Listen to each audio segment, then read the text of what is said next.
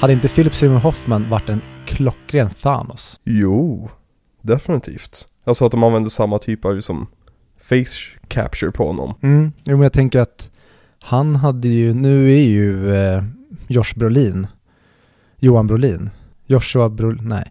Eh, nu är han en väldigt bra Thanos, men i en alternativ eh, önskedröm. Definitivt. Men den där rösten också. Mm. Sitta och runka i garderoben Thanos. Ja, men en mer, en mindre fysisk skräckinjagande Thanos, Mm. men mer creepy.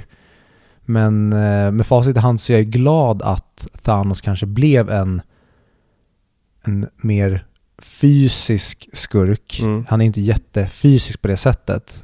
För att vid just det laget när han kom, då kändes det som att det var sån jävla inflation i creepy skurkar. Ja men verkligen. Jokern hade ju verkligen satt det trailet på max, så att man var svintrött på när alla skulle hela tiden vara ja, men Javier Bardem i um, Skyfall. Skurkar eller- som, som vill bli fångade och satta i en glasbur. Ja, Christoph Waltz. Ja, alla Bondskurkar som kom från Skyfall och fram. Verkligen. Ja jag är så trött på Bondskurkarna. Jag vill bara ha Jag vill bara ha en, en orimligt ond Bondskurk. Och inte en som så här, jo men om du tänker efter så har han faktiskt rätt. Han har bara fel sätt tillvägagångssätt. Jag vill säga nej. Jag vill ha en som vill skapa en knullkoloni i rymden. Ge, Mm. ge mig Drax igen. Och då menar jag inte liksom Drax från Marvel-filmen utan Drax från Moonraker. Moonraker var min favorit Bondfilm när jag var liten. Men jag vet inte, jag vet ingen, eller jag minns ingenting från filmen förutom scenen i, scenerna i rymden Mhm. när Jaws och hans flickvän ler till varandra och sen åker de väl ut i rymden och kommer väl sprängas va? Ja, De stannar kvar på, På rymdfärjan. ja men precis, de vinkar iväg Bond Ja. och eh, hans eh, Bondbrud. För det var det jag, jag var så himla besatt, besatt är fel ord, men jag gillade serier och filmer när det var en tydlig hjälte och Mm. hans tydliga antagonist. Mhm. Och jag vet inte om det var för att jag blev introducerad för Jaws, eller Hajen som jag blev introducerad till honom som. Men just jag ville ha mer Jaws och Bond i Bondfilmer, så när jag såg andra Bondfilmer så bara, Mm. men var är Jaws? Han är ju bara med i två filmer.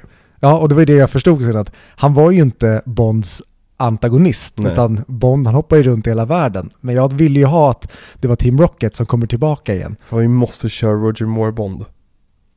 Det skulle faktiskt Det vara roligt. sinnessjukt dåliga filmer och sinnessjukt roliga filmer. Mm. Det skulle vara kul att köra, vilka var, är Roger Moore och sen Pierce Brosnan eller är det fler Timothy emellan? Dalton däremellan. Två Ah, filmer. okej. Oh, det blir så många filmer, men jag vill definitivt köra eh, Casino, eller Casino Royale, Craig Bond. Mm. Ja men Craig Bond är, är väl praktiskt taget spikad. Men ja, i någon gång skulle det vara kul med Roger Mer Bond. Det är nästan så vi borde köra det som DVD-kommentarer på Patreon när vi kör Craig Bond. Det låter kul. Mhm. Mhm. Mhm. Välkomna tillbaka till audio videoklubben. Audio, video, en bra podcast.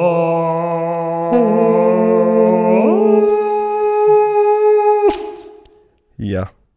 Det kommer bli ett mardrömsavsnitt att klippa märker jag. Klipprums-Alex här. Challenge accepted. Eh, Det är då jag som Alex och med mig har jag Victor, Viktor. Ja, det är Viktor.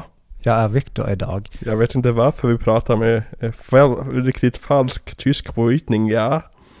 Vi eh, gjorde ju något avsnitt, vilket var det? När vi eh, gjorde den- när jag skulle härma Werner Herzog och så blev det nog riktigt märklig dialekt. Var det Punch? Nej, det var ju såklart The Master. Ja men precis. Mm. Nej? Jo, för att vi inte skulle prata om scientologerna. Och då gjorde vi ju som att det var Göteborgska. roller vi pratade. Ja men tänkte, nej, jo just och det är samma avsnitt när jag pratade om Hawking Phoenix när han blir räddad av Werner Herzog ja. Ja. Just det. Mm. Bra avsnitt. Det är då vi spelade Jeopardy. Jag gillar inte att recensera oss själva. Ja men det tycker jag om. Så du får helt enkelt tolerera det Viktor. Skitavsnitt. Viktor Estemar Landegren. Och just det, jag måste beepa det där. Brukar inte du säga Victor Felicia Landegren? Jo, Viktor Felicia Landegren. Vilken serie eller film är det? Jag tror att det är um, a Half Men. När någon heter Evelyn. Nej, Ted Evelyn Mosby. Ja, såklart. Ja. Mm, det är väldigt kul. Mhm. Första Weird säsongerna av How Met Your Mother. Ja men alltså, jag älskar How Much Your Mother med hela mitt hjärta. Mm. Det är verkligen, det är, är en serie som Gen Z har upptäckt nu tyvärr. Och de ska ju såklart klaga på allting. Och de förstår inte att Barney menade vara en tragisk karaktär. Så de tar ju allting han säger at face value och tänker, fy fan vilken sexistisk serie det här är. Mm. Jag blev introducerad för den serien, jag tror det var när säsong två hade kommit.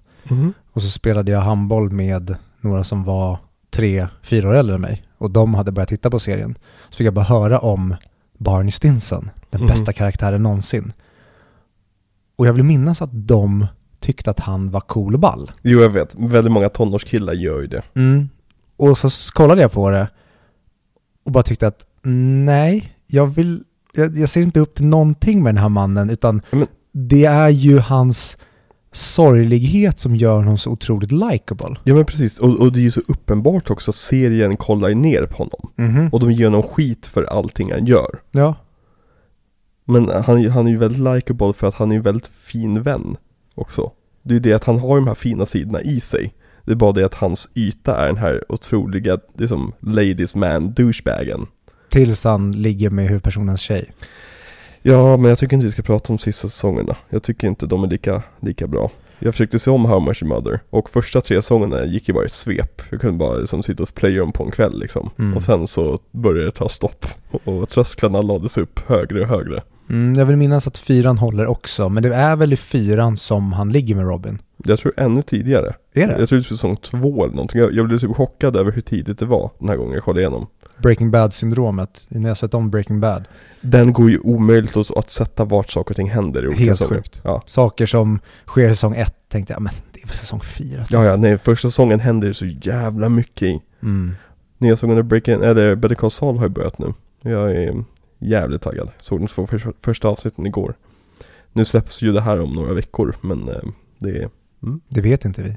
det vet, att, att det här kommer släppas om några, om några veckor. Nej, vi spelar in det här i realtid. Ja, ja, precis, exakt. Vilket datum är det? Det är den, eh, 16 maj. Det är, ja, det är datumet. ja precis, det är det datumet. Mm. Eh, Alex från Klickprummet kan lägga in vilket datum det är. Eller så öppnar du kalendern på telefonen, din jävla latmask. Men okej. Eh, men idag är det en, eh, det är en rätt speciell dag idag. Det är en sorglig och en fantastisk dag, sa vi innan vi började spela in här. Precis. Vi ska prata om Paul Thomas Andersons sista film hittills, Licorice Pizza. Nej men vi, vi ska ju runda av den här eh, miniserien och det är kul att ha lagt ännu en miniserie bakom oss också. Eh, ska, vi, ska vi bara riva av plåstret på en gång och bara berätta vad nästa miniserie kommer vara? Eller ska vi hålla på det till slutet av avsnittet? Ja, Får ni vi har, sukta lite grann? jajamän. Ja, jag tror väldigt många av er, av er redan har list- listat ut vad det kommer vara. Vi berättade i förra avsnittet att vi ska köra Snyderverse och vi ska recensera ett avsnitt blir varje timme av Just det. Och Justice Snyder. Leagues Snyder Cut och sen varje timme av Joss Whedons Cut. Men den är väl bara typ två timmar så det är inte så mycket. Den är ju två timmar exakt har jag för mig. Också, det känns, eller det kändes där och då, för jag såg den inte på bio. Mm. Jag såg den ju på något sätt. Och då var det att, aha, två timmar. Den här filmen känns som att när ni skulle skapa den här filmen, då var det inte två timmar ni hade i åtanke. Det här är bara, det här är okej. Vi slänger ut det här. The bare fucking minimum. Och så var det inte okej någonstans. Ja men det är ju en del av, eh, det, Walter Hamadas eh, sinnessjuka beslut angående hela den DC eh, Extended Universe, DCU. Vem är Walter Hamada? Walter Hamada var, jag för mig att han inte längre är, men han var VD för Warner Brothers har jag för mig. Och eftersom Wonder Woman gick så jättebra, så tänkte han, men den är ju två timmar lång. Då gör vi alla filmer två timmar långa. För det är Ja, så han hade Asperger. Ja men det, det, alltså Hollywood Executives är ju sjuka i huvudet När det kommer till besluten Efter, efter Batman från 89 blev, blev en succé Då tänker man så här, aha, då gör de fler superhjältefilmer, eller hur? Nej nej De gjorde fel, fler filmer som utspelade sig typ på 30-talet Det var vad de tog, tog, tog iväg från den succén Men den mest underbara skildringen av Studio Executives, det är ju ehm, unconventional, vad heter det? Inconvenient, eh, barely, vad heter det? Jag vet inte YouTube, eh, Jaha, ja, jaha. Eh, Barely an inconvenience, vad heter det? eh, super easy, barely an, in, barely an inconvenience. Ja. Eh, pitch meetings, som för övrigt har fått sin egen, egen kanal nu.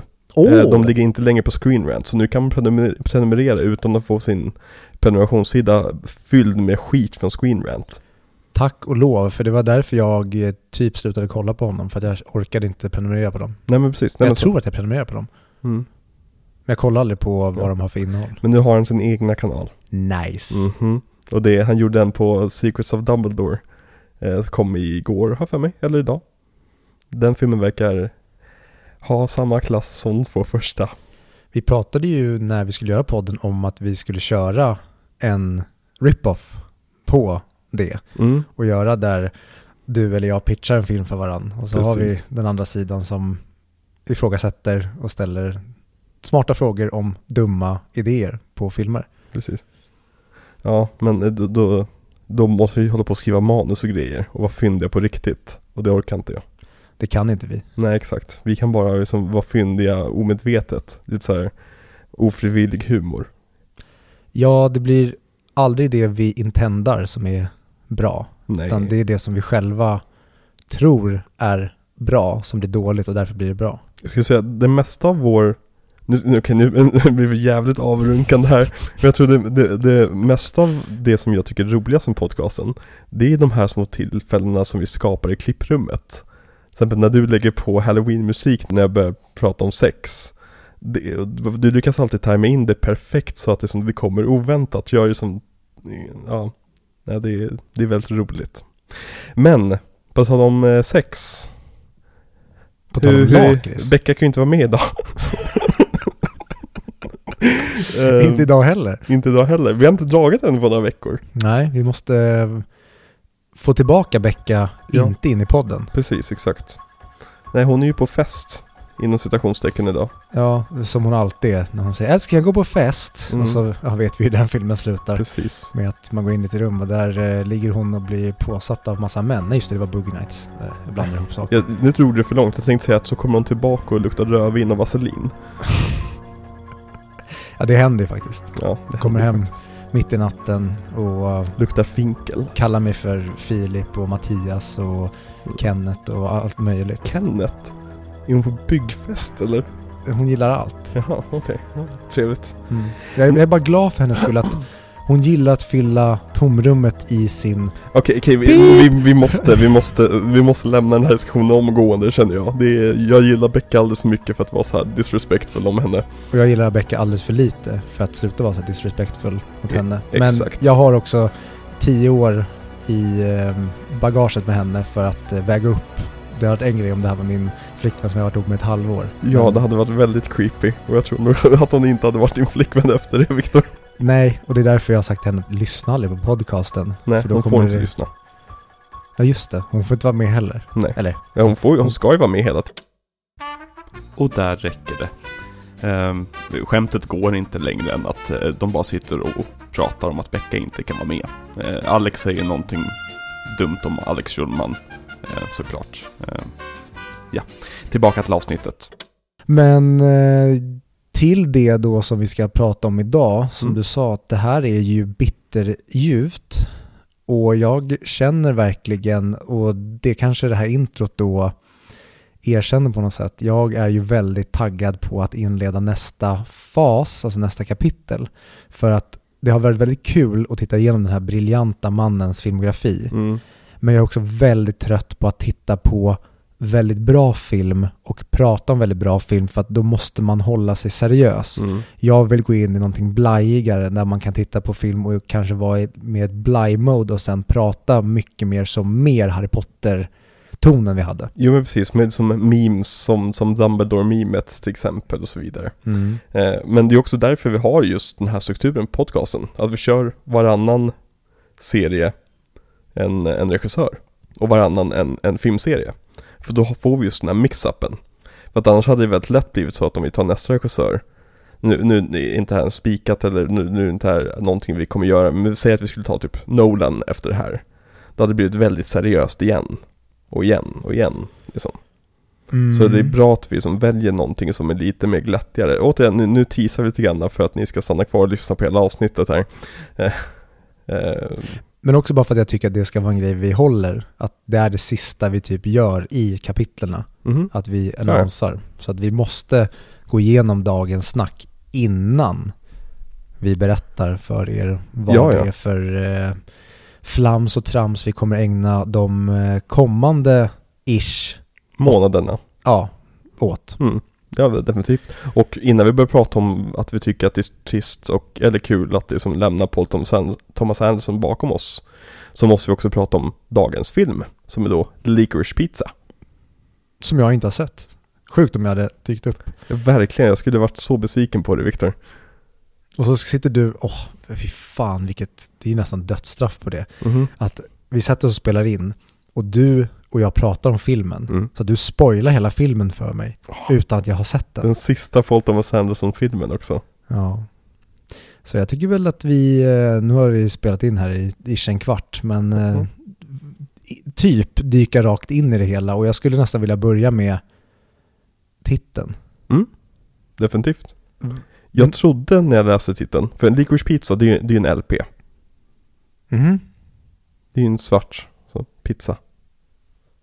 Ja, det är det? Ja. Ah, Okej. Eh, men jag, jag, så jag trodde filmen skulle handla mycket, mycket mer om just kanske musik. Eller Mhm. kanske att, att liksom, det finns en scen när de lyssnar på musik tillsammans och så vidare. Men så kom aldrig det och jag blev lite såhär, jaha. Men jag läste på lite grann om det här. Och det, det är... det Innan du säger Mm. så vill jag säga vad jag trodde att det var. Mhm. Och det var ju bara någonting jag drog i röven. Men jag trodde att det var lakrits och pizza. Det är två saker som inte funkar med varandra. Lite som Alana och Mr. Valentine. Vad heter han? George? Cooper. Nej, han heter Cooper Hoffman. Ja, exakt. Ja men eh, karaktären? Heter Cooper. Nej, Jo, nej. Gary.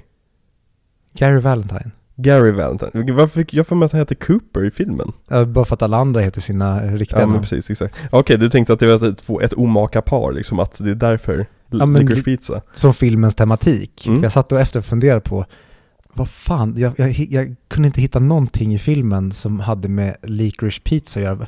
Var, var det någonting som stod någonstans? Mm. Men nej, och då tänkte jag bara att ja, men det är för att hon är lakrits och han är pizza och Mm. det funkar inte tillsammans på något sätt. Ja, nej men eh, det, det skulle ju kunna vara. Men det är det inte. Nej, Du hade fel. och då undrar jag, vad fan med stenkakan? Va, va, va? Jo, det finns två svar på den här frågan som Paul Thomas Anderson har gett då. Och det ena är att det fanns en, en, en, en LP, en LP-butik i närheten av området som det utspelade sig Som hette just Licorice Pizza. Och den butiken, liksom, han, det är mycket nostalgi runt den butiken för honom och den tiden. Eh, men sen så också bara det att det är två ord som han tyckte bara passade ihop och som, som påminner honom om sin barndom. Mm. Just att liksom, äta lakrits som för jänkare är så här röd skitäcklig gummilakrits och sen pizza för att man åt pizza liksom. Det, är- det är så simpelt för han hade tydligen svårt att komma på titeln till den här filmen. Eh, väldigt länge hette den Gary and Alana. Vilket är en väldigt dålig titel tycker jag. Och väldigt opitiaiskt. Ja men verkligen. Eh, så, och Licorice Pizza tycker jag den är, vad heter den på engelska? Ev- evocative. Det är som framkallar någon form av känsla. Mm. En, en, så jag tycker det är en väldigt bra och passande titel till filmen. Ja, Jag vet inte. Nej. I don't know. Du får suga på den. Ja, men jag tyckte, det, och det här hade jag ingen aning om när jag såg filmen, men Mm. när jag såg intervjuer med PTA om den här filmen, att det är så mycket då som du säger, att som är taget från hans barndom Mm. och även från historier han har hört från olika människor som han sedan har lagt in i den här idén han har haft väldigt länge och omformat den och han skrev och skrev och skrev som han alltid gör. Och så blev det det här. Precis. Och den här är som barndomsskildringen snar, eh, nästan. Mm. Det här är ju, det här är barn, den barnvänliga versionen av Boogie Nights, kan man säga. Mm. Eh, men den, den är ju väldigt mycket baserad på Gary Goatsman, Mm. som är då en känd Hollywood-producent, som just har levt Garys liv, praktiskt taget. Mm. Att han var barnskådespelare med Lu- Lucille Ball. Eh, han var eh, försäljare av vattensängar, startade pinball, eh, hall och så vidare. Och PTA drog den anekdoten i intervjun jag såg. När han säger att ja, men han hängde med ehm, Mr Götz man. Så hade han sagt vid något tillfälle Ah, have I told you about the time when I was arrested for murder? Mm. Och det var ju någon grej som jag fick reda på efter. Okej, ja men då förstår jag helt den Mm. grejen, för den är så random i filmen, men jag älskade hela den grejen, för där trodde jag att filmen skulle ta en sjukt märklig twist. Är det hit vi är på väg? Nej, det var inte hit vi var på väg. Förstod du att han blev arresterad för gräset? För, Ja, de, ja, jag med. för de håller på att prata om att de ska ge ut gratis påsar till, till eh, köparna av sina vattensängar. Mm. Så jag trodde att polisen kom och tog den på grund av det. Och sen Mm. så, eh, att you're a murderer. Man, vänta, vänta. Vad är det som händer nu? Va- va- Vart är den här filmen på väg? Och det är väldigt, väldigt kul. För det känns verkligen som matter of fact. Mm. Och det känns också så tydligt. Det här är ingenting som man kan skriva in i en film om det inte hänt på riktigt. För att det, det är stranger than fiction, så att säga. Mm. You can't write this shit. Och väldigt roligt sen när de då kommer ut med han som har pekat ut honom. Mhm. Han säger, är det inte han? Mm. Och då försöker polisen vara lite smidig och bara gå och låsa upp och gå därifrån. Precis. Att, eh, vi, vi vill inte ha någonting med det här att Mm. göra. Men den här filmen är ju väldigt inspirerad av liksom, andra hangout-filmer från 70 80-talet. Till exempel American Graffiti, som är då George Lucas första film. Mm. Och även Fast Times at Ridgemont High, som var Sean Penns genombrott. Mhm. Som för övrigt en helt jävla briljant film. Och den är ju skriven av Cameron Crowe. För Cameron Crowe var ju en infiltratör på Ridgemont High. Men hur gammal är Cameron Crowe? Cameron Crowe är bra mycket äldre. Eh, Han, han, han är i den här åldern. Alltså som PJ. Jaha. Mm. Och när kom eh, Fast Times? Fast Times kom, eh, tror 85 kanske? Någonstans där. Han gjorde han, var, han var typ 16 bast eller något när han skrev. Exakt. Har du inte sett eh, Almost Famous? Jo, men det Den är ju baserad på Cameron Crowes liv. väldigt länge sedan. Ja. Men han, han, han är ju väldigt ung där ju. Han låtsas ju vara äldre än vad han är. Ah, just det. Cameron Crowe, väldigt fascinerande man. Tyvärr gick han av sig helt och hållet sitt filmskapande. Gjorde filmer som We Bought a Zoo och Aloha. Där Emma Stone spelar en halvasiatisk haj, ha, halv hawaiian har jag för mig. Och jag har för mig att han för något år sedan gjorde en tv-serie Mm. om typ... eh, Roadies, Ja, som kretsar väl kring de som arbetar bakom scenen på precis. turnéer. Mm. Som floppade totalt här för mig. Verkligen. Det är som Vinyl fast dålig. Mm, med typ Luke Wilson vill jag minnas. Mm, exakt, du har helt rätt. Hur fan minns du så här mycket om den serien som ingen har sett? Jag vet inte vad jag lägger min tid på ibland. Ja. Vinyl för övrigt, jävligt bra. En av de största, nu Mindhunter lägger vi in i samma fack. Den fick Mm. dock två säsonger. Precis, och den har lite mer av ett closure i sig kan man Mm. säga. Men att Vinyl inte fick en säsong två är bland de största sorgerna i film och tv-serien ever för mig. Mm. Griffin Newman är ju med där. Alltså han från eh, Blank Check. Jaha. Han spelar en av, en av killarna som jobbar på eh, skivföretaget. Han har mustasch och eh, ser ut som en pedofil. Jättekul. Mm. Mm. Ja, underbar jävla serie. Och speciellt vad den serien är på väg i slutet av Mm. säsongen. När det då lovas en andra säsong som kommer bli helt galen. Mhm. Och så får vi inte den. De upptäcker punken. Ja. Ja, nej. Vinyl, jävla mm, misstep i att de cancellade. Den blev ju renewad innan premiären av eh, säsong 1. Så blev den redan där renewad för säsong 2. Och sen avskydde folk eh, Vinyl. Så de la ner det. Jaha, jag har för mig att jag läste att den släpptes vid fel tillfälle så att folk inte såg den. Det var för, Okej. lågt tit- för låga tittarsiffror. Ja, nej, den fick väldigt mycket kritik också. Det kan mycket väl vara så att väldigt få såg den också. Men eh, folk pratar om den som så här, mm, vet inte riktigt va. Men Okej, eh, ni drar åt helvete. där är ju han, åh gud vad heter han? Raymond. Eh, Ray Romano. Ray Romano, precis. Han är ju briljant i den. Mm, verkligen. Nog hans bästa roll. Mm, Vad har Bobby Cannavale tagit vägen? faktiskt. Det senaste jag kan komma på som jag sett honom i, det är The Irishman. Ja, han är med i A- Ant-Man också, och Ant-Man 2. Ja, ah, okej. Mm. Ja, han var ju verkligen på gång där ett tag med Vinyl. Blue Jasmine var ju också jättebra i. Boardwalk Empire. Är han med där? Jag Nej vänta. Jo, det är han väl? Mhm. Jo, det är för mig. Jag har Men- spelat någon gangster. Inte de första säsongerna? Nej, jag tror att han introduceras i säsong två. Ah, Okej. Du har inte sett färdigt än. No, no, no. Jag hatar dig. Jag tycker nästan vi ska avbryta stå- inspelningen tills du har sett färdigt Boardwalk Empire. Men det är ju en serie som jag medvetet har påbörjat och sen som jag sitter och håller på bara för att när det är rätt mode, Mhm. då vill jag ta fram den här pärlan. Det är ingenting som jag tror jag kommer älska. Det är någonting jag redan är i och älskar så jävla mycket. Helt briljant serie. Från A till Ö. Mm.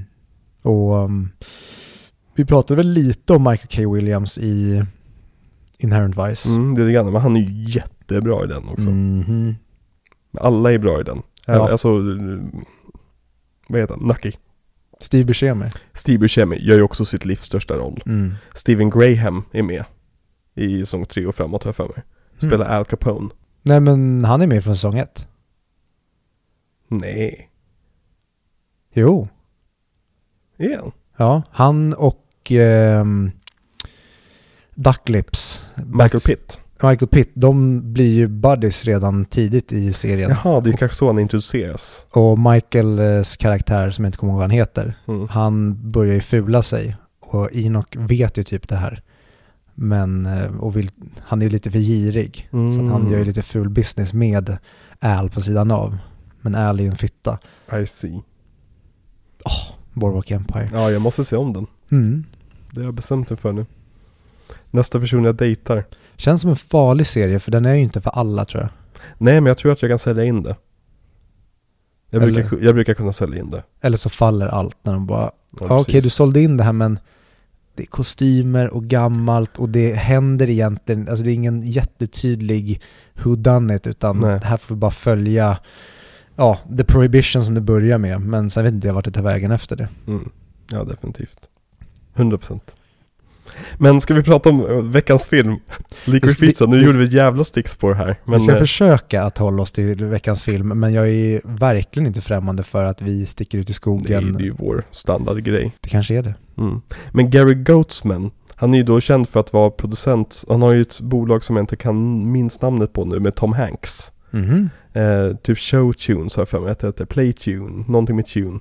Eh, och han producerar väldigt många Tom Hanks lite mindre filmer. Eh, till exempel det här krigsdramat Greyhound som kom på Netflix har jag för mig att det var. Eh, Var det en film eller en serie? en film som får en uppföljare snart, märkligt Mhm. nog. Eh, men han har ju producerat till exempel Big Fat Greek Wedding. Eh, Superhit vill jag minnas. Ja men det är ju en sån här märklig superhit som ingen trodde på när de höll på att göra den. Och sen så släpptes den till så här lite puttriga reviews, ja, inte jättemycket, ingen, ingen gick och såg den. Och sen bara växte den. Och växte den. Och växte och växte och växte och växte och blev typ en av de mest inkomstbringande filmerna i världshistorien av den typen av film så att säga. Mm. Eh, och sen kom tvåan som alla hatade.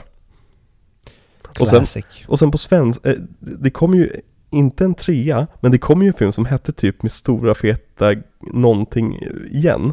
Där det var bara samma skådespelerska. På så här typiskt svenskt maner så hade de döpt det till samma grej. Och det var typ se- sent in på 2000-talet. Det är jättemärkligt. Det var nog sista gången vi gjorde så i Sverige. Vem är hon? Jag kommer inte ihåg skådis... Alltså vad Det, hon det är någon med i. okänd tjej, alltså det, det är ju det är hon som, det är hennes livshistoria. Jaha. Ja, hon spelar ju sig själv. Mhm. Jag kommer ihåg att morsan såg den men... Ja men det är klart, det, är ju sån jävla din mamma-film. Alltså, jag menar inte din mamma utan eh, din mamma skulle nog älska den filmen. Mm, och även fast jag är intresserad av film så var det här en film som att jag kommer aldrig sätta tänderna här. Nej, verkligen. Och på tal om andra filmer som din mamma säkert älskar, han har ju även producerat Mamma Mia-filmerna. Tror inte att min mamma har sett dem. Däremot var jag på Mamma Mia-musikalen i Mm. London. Gick hem, slog på Mamma Mia-filmen och hatade den. Alltså Mamma Mia-filmen, den första, det är en, en film som jag har väldigt kärt i hjärtat. Det var en film jag somnade till väldigt mycket när den kom. Just för att den hade så jävla härlig hangout-känsla. Men så såg jag tvåan med mitt ex på bio. Och jag bara så här, jag avskyr det här.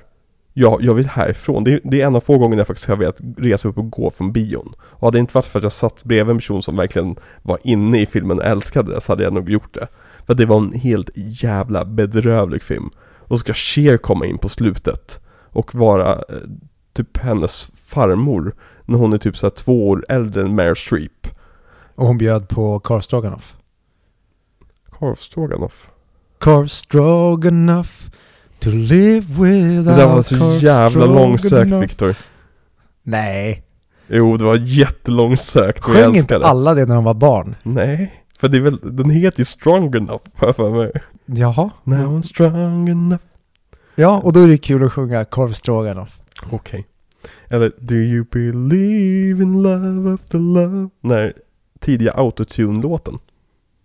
Mm. Den är ju super autotunad. Och jag minns att det hängde ju så här planscher på, på mitt fritids med Cher eh, Goodbye Tour. Och det här måste vara typ så här 2001. Och inte fan gick hon i pension.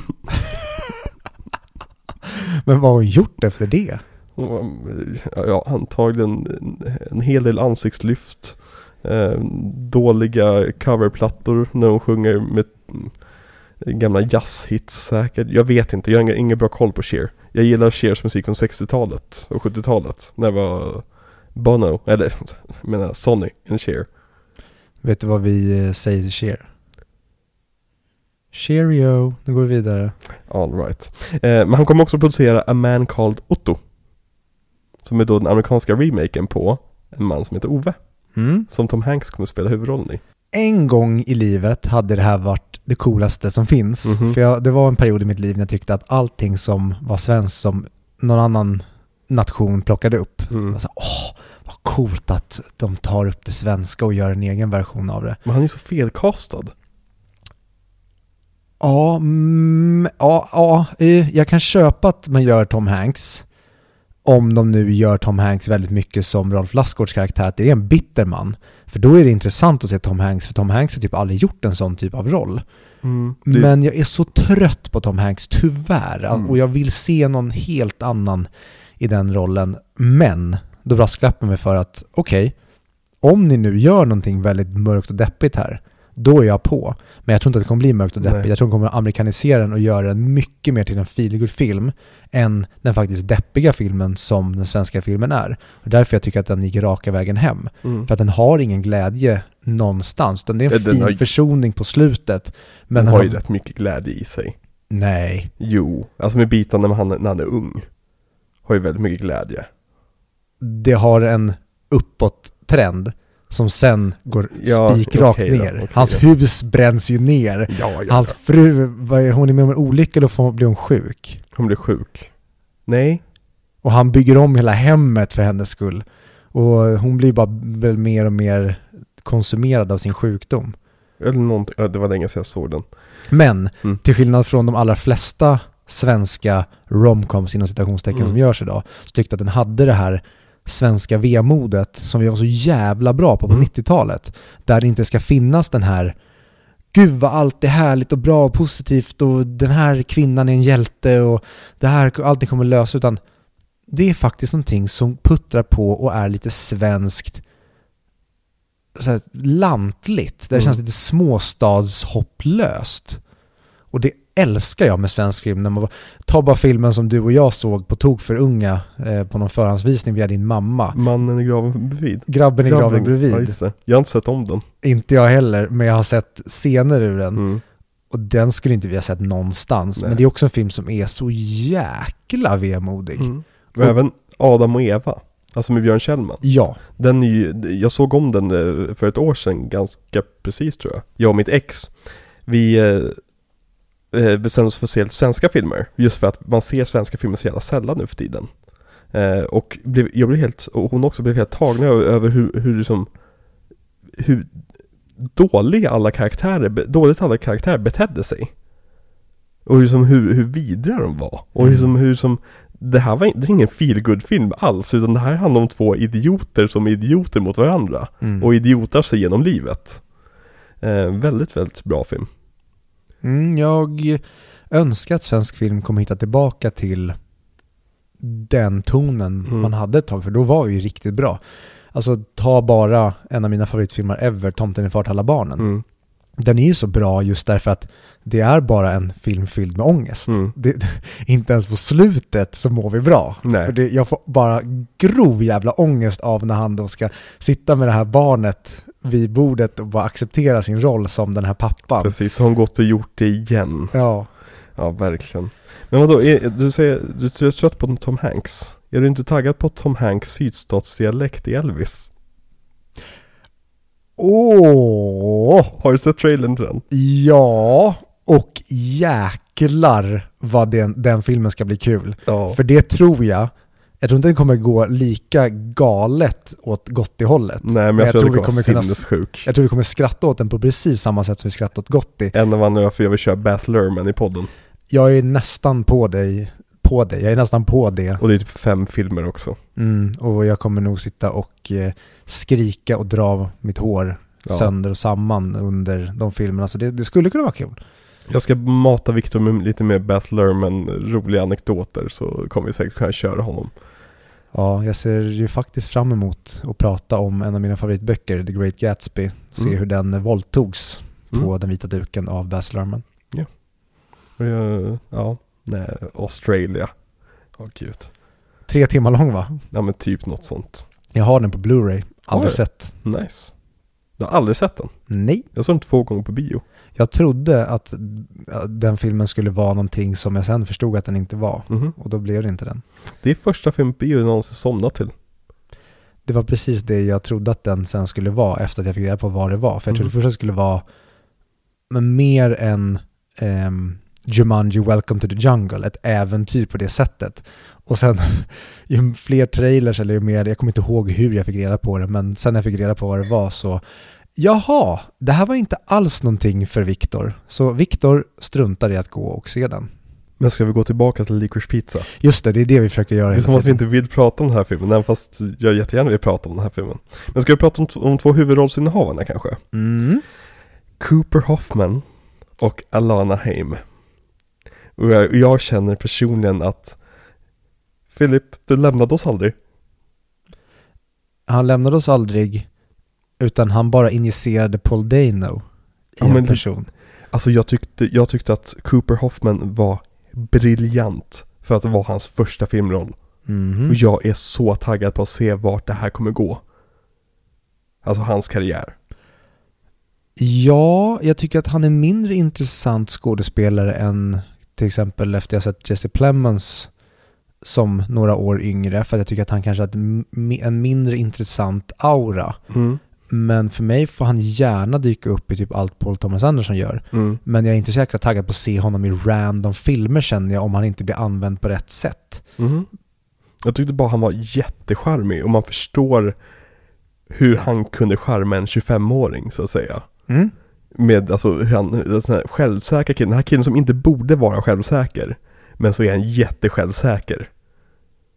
Mm. Nej, han är grym i den här Ja. Och Alana Haim också. Och också hennes första filmroll va? Mm. Så två debutanter, vad håller du på med Paul? Mm. Det är som att han, han är som, han, han ger sig själv curveballs. Och som han sen bara, bara okej, vad var det där för något då? Tar vi nästa. Det är så. Ja, med den vetskapen så trodde jag att, eller jag satt, tror jag, jag, jag vet att jag tänkte på det någon gång under filmen, när faller de här igenom? För Mm. någon gång så kommer vi ju få en tagning eller någonting där man ser att nej, men de här är ju inte skådespelare. Mm. Men det händer aldrig Nej. under hela de här två timmarna. De är så bra. Det är, vi kan ju dra lite kort bara vad filmen handlar om. Eh, Det, det, återigen, vi kommer inte prata igenom oss, oss genom plotten egentligen, utan kanske bara prata om våra favoritscener och så vidare. Men det handlar egentligen om eh, Gary, som är då eh, en 15-åring i high school, som eh, möter en 25-åring som heter Alana. Ehm, på, när hon ska vara där för att hjälpa dem att ta skolfoton. Och eh, Gary är väldigt driftig och han har e-, ett eget företag och han är också, också barnskådespelare.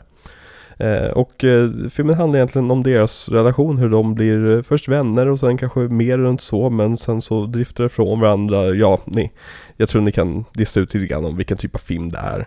Eh, Men han startar olika företag som så vattensängsföretag och pinballföretag och de träffar intressanta och spännande karaktärer i, i San Fernando Valley på 70-talet. Mm. Det handlar om en eh, pojkman och en eh, flickkvinna. Två personer som är vuxna på många sätt, men väldigt barnsliga på andra sätt. Ja men det är som att de två möts i 20, i åldern 20. Förstår du vad jag menar? Han är mycket äldre än vad han borde vara. Och hon är mycket yngre än vad hon borde vara.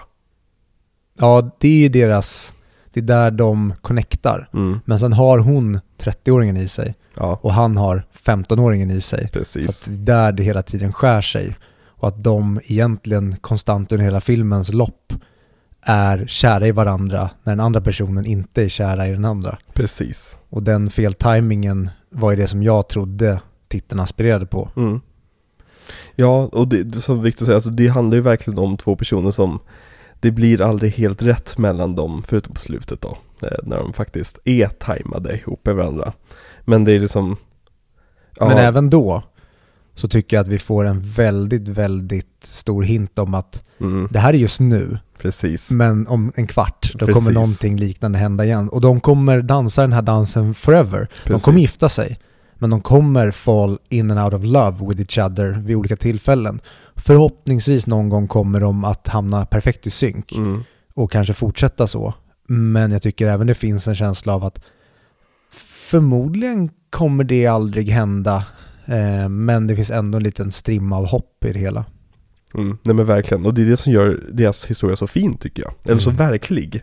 För den här filmen känns verkligen som att man bara har råkat, råkat skicka tillbaka en kamera i tiden. Mm. och filmat det här som Mm. hände. Och den här är som världen på 70-talet. Men min, min kompis Erik som jag såg den här filmen med, han sa till mig under filmen så här, men hur kan Alanas familj vara så lik Alana? Hur har de lyckats hitta de här skådespelarna? Och ja, det är för att det är hennes familj som spelar hennes familj. Och hennes pappa är ju helt briljant till exempel. Mm. Och, även, även, även hennes systrar som liksom när de bråkar, det är så jävla äkta hur de så här, inte riktigt bråkar om någonting på riktigt utan de bara bråkar om att bråka typ. Mm. Ja, och som när Alana går på sin äldsta syster om att ja men du jobbar för mamma och pappa, du är perfekt, jag är så himla dålig. Mm. Classic så här syskongrej, att man Verkligen. hela tiden den, ena, den andra personen har inte gjort någonting mot dig. Mm. Det är bara att du tycker att dina skuggor lyses upp av att den andra personen har gjort någonting som du kanske nu vid den här punkten i ditt liv inser att du kanske också borde gjort för att safea det hela. Och då bara tar du det som nästan en attack mot dig själv. Precis. För det, det är en sak jag reflekterade genom hela filmen om. Att Alana har ju inga vänner i sin egen ålder. Och hon umgås inte med folk i sin egen ålder genom hela filmen. Nej, och det är ju vad vi får se henne tampas med vid Mm. flera tillfällen i filmen. Det är just det att, nej men vad gör jag med de här 15-åringarna? Ja, precis. Och jag älskar den grejen för jag vet själv, till exempel när man gick i, ja men ta bara högstadiet, och man, man kanske tyckte att någon som var då ett par år yngre än en själv var söt. Mm. Och då intalar man sig själv att nej men hon är för ung. Mm. Det, det funkar ju inte. Vad var hon för kompisar? Vad skulle jag umgås med för människor? Precis. Och lät det stå i vägen för någon som man kanske då hade kunnat ha någonting trevligt med. Exakt, verkligen. Eh, men eh, berätta lite grann om eh, henne, Alana Haim, hon skådespelaren. För hon är, inte, hon är ingen skådespelare, men hon är ju faktiskt en person inom showbiz, så att säga. Mm, hon är en av tre då, tillsammans med sina två andra systrar i gruppen Heim. Eller eh, jag antar att det uttalas Heim, Mm. säger väl folk. Men om man ska då uttala det på någon slags Hebreiska. hobbyhebreiska så blir det väl Chaim. Ehm, och de är ju um, världskända, vet jag inte riktigt om de är. De har ju, alltså, de har ju hittar som är uppe på så här 131 miljoner spelningar på Spotify. Mm. Så de är ju ändå stora, Mm. men de är inte mainstream. Jag tror inte att de skulle gå och fråga random person, ja men har du hört Haim eller Heim? Då skulle inte folk säga, ja men absolut, jag har hört det. Men de har ju gjort låtar med till exempel ja, med en känd DJ som Calvin Harris. Mm. Och jag har lyssnat på dem en del. Och framförallt någon gång så vet jag att jag läste att Paul Thomas Anderson hade regisserat någon av deras musikvideos och Mm. kollade in vad det var. Jag lyssnade lite smått men det är, det är inte right up my alley. Jag tycker inte att det är dåligt men det är inget wow någon gång. Utan de Nej. kanske tio låtarna som jag har lyssnat på minst en gång har varit att jo men de här brudarna kan ju. Men det är ingenting som jag känner att, ja det är väl klart att Paul Thomas Anderson har regisserat typ 5-10 av deras musikvideos. Det känns bara för att han verkar vara bekant med dem och känna föräldrarna. Precis, och det, det är också återkommande i filmen. Vi kommer komma in på det lite mer om vilka som är med i den här filmen. För det är väldigt mycket av så här personer som Paul Thomas Anderson bara känner. Så här grannar och barndomsvänner och gre- grejer, vilket gör en underbar feeling. Men jag vill bara, innan vi lämnar Alana, att hon utförde ju faktiskt sina egna stunts med lastbilen. Hon lärde sig köra lastbil. Nej. Jo, så det är hon som åker ner för backen när de soppar torsk, torsk och hon måste liksom backa sig ner, använda bara som momentum för att komma ner för backen till bensinmacken. Och det är typ, jag blev helt med, jag, sö- jag satt och svettades under den sekvensen. Just för att man vet också att John Peters kommer här någonstans runt hörnet också. Ja. Ja men eh, tillbaka till eh, Alana då, att det här är ju, hon kommer ju från musikvärlden Mm. och har ju varit med i då musikvideorna som Paul Thomas Anderson har regisserat. Mm. Så hon sa det i någon intervju att "Ja, men jag hade aldrig kunnat göra det här om jag inte litade så mycket på Paul för att vi känner varandra. Precis. Men samtidigt så sa hon att det spelar ingen roll för att fråga Paul Thomas Anderson dig om du vill vara huvudpersonen i hans film. Då säger man ja. Ja, det är liksom, det, det är, du är dum om du säger nej. Mm. För det är liksom så här, det är ett career making decision. Mm. Och jag undrar vad hade hennes filmkarriär eller icke-filmkarriär kunnat vara om hon inte hade tackat ja till det här för då hade vi kanske aldrig fått se den här enorma talangen som Mm. vi får se i den här filmen för jag förstår ju att ingen av dem är Oscarsnominerade för det är inga sådana roller tycker jag. Nej. Men de är fullkomligt sömlösa i sitt agerande som du sa. Det känns bara som någon har skickat tillbaka en kamera i tiden. Precis. Det känns inte som att vi har lines här. Det känns som att det är två personer som pratar. Och nu tittar vi på inledningsscenen när Gary och Alana träffas. Mm. Och här var jag helt, mitt huvud var upp och ner hela tiden för jag förstod inte någonting. Jag, jag trodde att hon var i hans ålder och att det här Mhm. var en tjej i hans skola. Och jag trodde att han bara snackade skit och ingenting av det han sa stämde. Mm. Och så var det bara att, nej men det här är återigen Paul Thomas Anderson magi, det bara flyter. Och det Ja, känns som två personer, ja, och det känns som två personer som bara ordbajsar. Ja. Och det, just den här sekvensen är ju väldigt bra för att, eller väldigt bra, eh, intressant för att det var just det här som gjorde så att han gjorde filmen. För han såg precis det här, eh, jag tror det var 2001, när han åkte förbi en skola i, i Los Angeles. Så såg han just en, en lite äldre eh, tjej eh, bli typ, inte antastad men alltså att en ung kille pratade med henne hela tiden. Och tänkte, hmm, det här är en bra början på en film. Så började idén till Licorice Pizza gro redan där, för 20 år sedan. Mm. Och det känns lite grann som att det här är ett manus han har knepat, liksom knåpat med lite granna. Typ han hittar på den där scenen och den där scenen. Och så, men jag skriver ner det och så låt lägga på hyllan igen. Då Mm. går jag och gör mina mästerverk här. Jag ska göra There Will Be Blood. Och sen så, ja men jag kom på den här scenen också.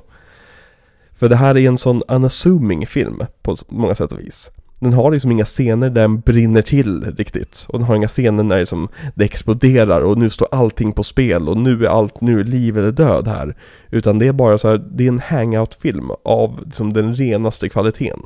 Mm, det är en experience mer än att du ser en dramaturgi någonstans. Jo men det här är, om vi ska dra en liten krass liknelse, det här är en fet joint jämfört med There Will Be Blood som är liksom en liten kokain. Mm. Ja men det är jag med på. Mm. Och jag kan säga det redan nu att jag är inte helt såld på den här filmen. Mhm. Av just den anledningen att ibland kände jag att jag tog upp telefonen. För jag tycker att den har en del av filmens charm som är dess fett. Mm. Tycker jag stundtals eh, är väldigt oengagerande. Mhm. Tyvärr. Jag kände det efter kanske halva filmen att snart får det ta och brinna till. För Såg du den själv? Ja. Jag tror att det här är en väldigt bra film att se med folk. Alltså sitta och liksom så här småprata lite grann med, alltså just att hang out med den, så Mm. att säga. Men med det sagt, Mm. det är ingen dålig film någonstans. Det är Paul Thomas Anderson, hur dåligt kan det bli? Precis, och det är en jätte, jätte, jättebra kärlekshistoria och en jättebra... Det är svårt att placera den här in i en romcom-fack, men det är en romcom Ja, ja, det är 100% en romcom. På ett väldigt unconventional vis. Ja, den här filmen är som att man slår ihop Punch Drunk Love och Boogie Nights och gör en barntillåten. Mm. Jag tycker det finns många likheter med framförallt Punch Drunk Love när det kommer till eh, quirkigheten Mm. i filmen. För den har väldigt många sådana här, ja men ta bara scenerna i slutet när de springer in i varann Mm. och halkar och slås ihop. Precis den scenen har vi ju i Punch Drunk Love när Mm. Lena och ehm, Barry krockar i varandra på Hawaii. Och det är väl kanske det som jag tycker då med någon slags känsla med filmen, det är att den är lite för, den är lite för nära Punch Drunk Love snarare än att den är närmare Inherent Vice. Mhm. För jag hade verkligen önskat att den var lite mer Inherent Vice än vad den var Punch Drunk Love. Mm. Nej, men jag, jag förstår vad du menar. Jag håller inte med, men jag förstår exakt hur du menar. Det är ju väldigt... Det är en väldigt lågmäld fi- film, liksom. Mm. Och det, det, jag tycker bara att den är väldigt, väldigt fin. Det var länge sedan jag såg en sån här fin film, som bara handlade liksom om tonårskärlek. Mm. För tonårskärlek, man kan antingen göra det till någonting okej, Ursäkta uttrycket men perverst liksom. Att den här lusten, du vet, när man är kåt hela tiden som tonåring. Man vill bara liksom För att vara krass. Men här, den, det är en väldigt avsexualiserad film. Om Mm. man säger så. Och även när han blir inom citationstecken pervers Ja. och vill ta på hennes bröst, Mm. då är inte det horny, jag vill ta på dina bröst, utan Nej. det är mer att jag har varit kär i dig så länge, jag vill ta på dig. Det blir mer Precis. romantiskt och gulligt. Och också väldigt fint av honom att han inte gör det. Ja, när han väl får då chansen. Precis, exakt. När hon är väldigt, väldigt full och ligger bredvid honom. Mm. Så liksom, han, han är verkligen en gentleman genom hela filmen. Förutom när han liksom är lite petty. Tom Petty. Nej men eh, det är som att det, det blir verkligen, man, man sympatiserar hela tiden med Gary. Mm. Ja, med båda två. Jag tycker det är så himla snyggt med hela filmen. Jag skulle samtidigt säga att det är Garys film, Mm. om man ska sätta det, men det är snarare 60-40 Garys Mm. film, snarare någon, någon större procentsats åt han, hans håll. Och det tycker jag väldigt mycket om, att vi hela tiden bollas mellan dem. Mm. Han kanske beter sig lite inom citationstecken oskönt mot henne, fast det inte är oskönt mot henne, utan han bara följer sina 15-åriga... Han är ju omogen på många sätt, samtidigt Mm. som han är otroligt mogen. Ja, det, och det är väl det, om jag ska sätta fingret på någonting som är briljansen med den här filmen, det är hela tiden hur man förlåter dem när de act their age och sen även när de inte act their age för Mm. att de båda är två personer som är på väg att växa upp. Hon är för gammal och borde ha vuxit upp. Mm. Och han är lite för ung och borde inte alls ha den här vuxna ådran i sig. Han Nej. borde vara en pure 15-åring men agerar ibland som en 45-åring. Och tillbaka till PTA som har känts när han var 25 år och gjorde filmerna. Då kändes det som att det var en gubbe som bodde i honom. Precis så är det med Gary. Jag tycker också om väldigt mycket, och det här kanske låter ytligt, men att de inte är så jättesnygga. Att de ser väldigt alldagliga ut. Alltså de är ju, båda två är ju väldigt fina människor, de ser ju bra ut liksom. Men de är ju inte, de är inte Hollywood-snygga. Jag håller med dig om att det är bra att de inte är Hollywood-snygga. Sen jag vet inte om jag tycker någon av dem är speciellt söt. Och det är väl det jag tycker är så himla bra med hela casten förutom ta Sean Penn och Bradley Cooper typ. Mm. Men de allra flesta i filmen ser ut som vanliga människor och Mm. inte som skådespelare och det får det att kännas ännu mer autentiskt. Verkligen. För han har ju fyllt ut hela casten egentligen med släktingar till Hollywood-kändisar. Som till exempel Leo DiCaprios farsa spelar ju eh, barägaren. Eh, Michael Giacchinos son är en av vännerna han hänger med. Eh, och Spielbergs dotter spelar Frisbee. Vem är Frisbee? Jag tror Frisbee är en av hennes kompisar från skolan som hon pratar med någon gång. Ja, okej. Ehm, och det finns också lite andra så här, ja, små halvkända kändisars liksom, eh, kusiner och döttrar och, och det känns verkligen som att han bara fyllt ut casten med folk han känner. För det är också många av Maya Rudolphs och eh, Paul Thomas Andersons egna barn ju med i den här filmen och spelar extras. De bara sätter på med en ny peruk, en ny, ny kostym, så här in i den här scenen. Och sen så nästa scen här, ny peruk, ny kostym, här, in i den här scenen. Och även så här grannarna och grejer. Eh, För enligt PTA så skapade det här en väldigt skön just hangout-känsla när de spelade in. Mm. Och han undrar varför han inte alltid har gjort så här. Eh, Bara castat folk han känner. För de hade så otroligt trevligt under den här inspelningen. Och det märks alltid i filmer tycker jag. När man känner att de hade en kul inspelning. Mm. Även om det här, det här spelades in under covid. Ja, det är så. Och nu kommer för övrigt en av eh, filmens bästa scener tycker jag. Det är klart du tycker. För det här är right up my alley när det kommer till humor.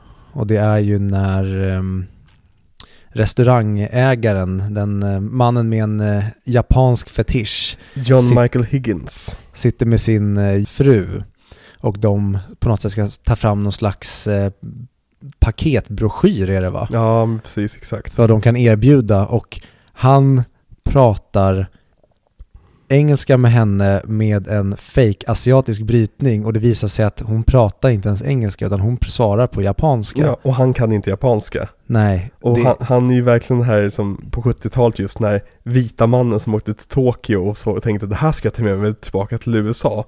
Och sen bara som är helt, helt för, oförstående för den här kulturen egentligen. mm, och det jag brukar kalla för importörer Mm. som vi ser bland väldigt många svenska äldre män när de åker ner till Thailand, hittar en ung och fräsch fru, tar med henne hit, de startar en thai-restaurang eller en eh, massagesalong eller någonting. Men eh, jag tycker det är väldigt roligt när han bara pratar på en väldigt, väldigt lavig sätt pratar han med henne. Ja men och det roliga här, the joke is on him. Ja, Genom hela sekvensen. ja, Det är ju aldrig som riktat mot de asiatiska personerna. Utan det handlar om hur, hur som, ja, ignorant han är om det här. mm, men jag är fortfarande förvånad över att det här får komma undan. Det fick det inte. Nej. Den här är bojkottad av eh, Non-Asian Alliance-grej. ja men det är klart. Okej, men om det är någon Asian Alliance, då, då tycker jag det är konstigare om de inte kan se det. Men jag tänkte att det skulle vara vita medelålders kvinnor som blev kränkta över det här för att Ja, han blev de också. asiater. Och där är Sweet D. Nej, Jo. Nej. Det är tjejen på kaféet som Charlie är kär i. Som hela, han hela tiden mutar att dejta honom. Ja, nej, ja, ja, för, för, förlåt. Ja, jag blandar ihop dem. Ja, exakt, exakt. Det det du har he- 100% rätt. Det är The Waitress. Mm. Ja, kul att hon eh, Ja. är med. För det är också en, en väldigt, där fick vi se två väldigt roliga komediskådespelare i samma scen. Och jag tyckte synd att då hon inte får en större roll i den här filmen än vad faktiskt får. För hon blir ju nästan bortplockad ganska snabbt så fort han Mm. kommer på benen med sin egen business. Hon spelar ju då Garys morsa. Mm. Och jag trodde ju att filmen skulle handla mycket mer om att eh, Alana skulle vara hans chaperone när Mm. han då kanske skaffar sin skådiskarriär. Exakt. Men det var ju verkligen inte det det handlar om och jag tycker det är väldigt roligt sen hur övertydligt det blir när vi ska förstå att han är lite för gammal för att vara barnskådis. Mhm. De gör det verkligen, inte on the nose, det är up inside the nose. Precis, exakt.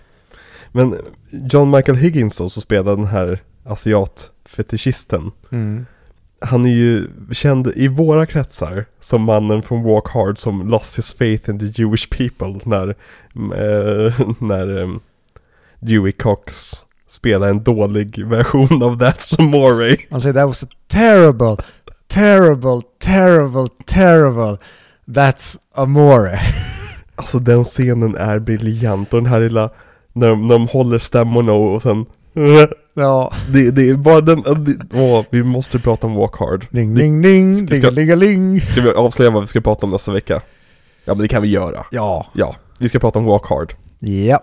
The Dewey Cox story. Och Ska vi göra en DVD-kommentar eller ska vi bara prata om den? det återstår att se, jag tror inte att en DVD-kommentar kommer passa så mycket för vi kommer bara sitta och bara Och den scenen! Och den scenen! Och nu kommer det här. Och det här är roligt! Mm. Och kommer vi sitta och skratta, ja, i och för sig det kanske är kul i alla fall eh, Men han är också med i Community och spelar den här flumprofessorn som, vill, som är inspirerad av Robin Williams från eh, Döda poeters sällskap Seize the Day Ja, just det, som... ehm, Som vägrar ge Jeff ett A Ja. om, om man inte sees the day jag tänkte först när jag fick upp att han är mm, professorn som har en fake eh, class. Ja nej, nej han är yngre, det är han eh, han Nej, jag vet att det inte är typ han, men det var han jag fick upp först när jag tänkte på honom. Mm. För övrigt också en jävligt bra storyline Ja, med att han har skapat sin egen... Professor Professorson Ja. ja, Community, vi har sagt det förr men vi säger det igen, se Community Mhm. Briljant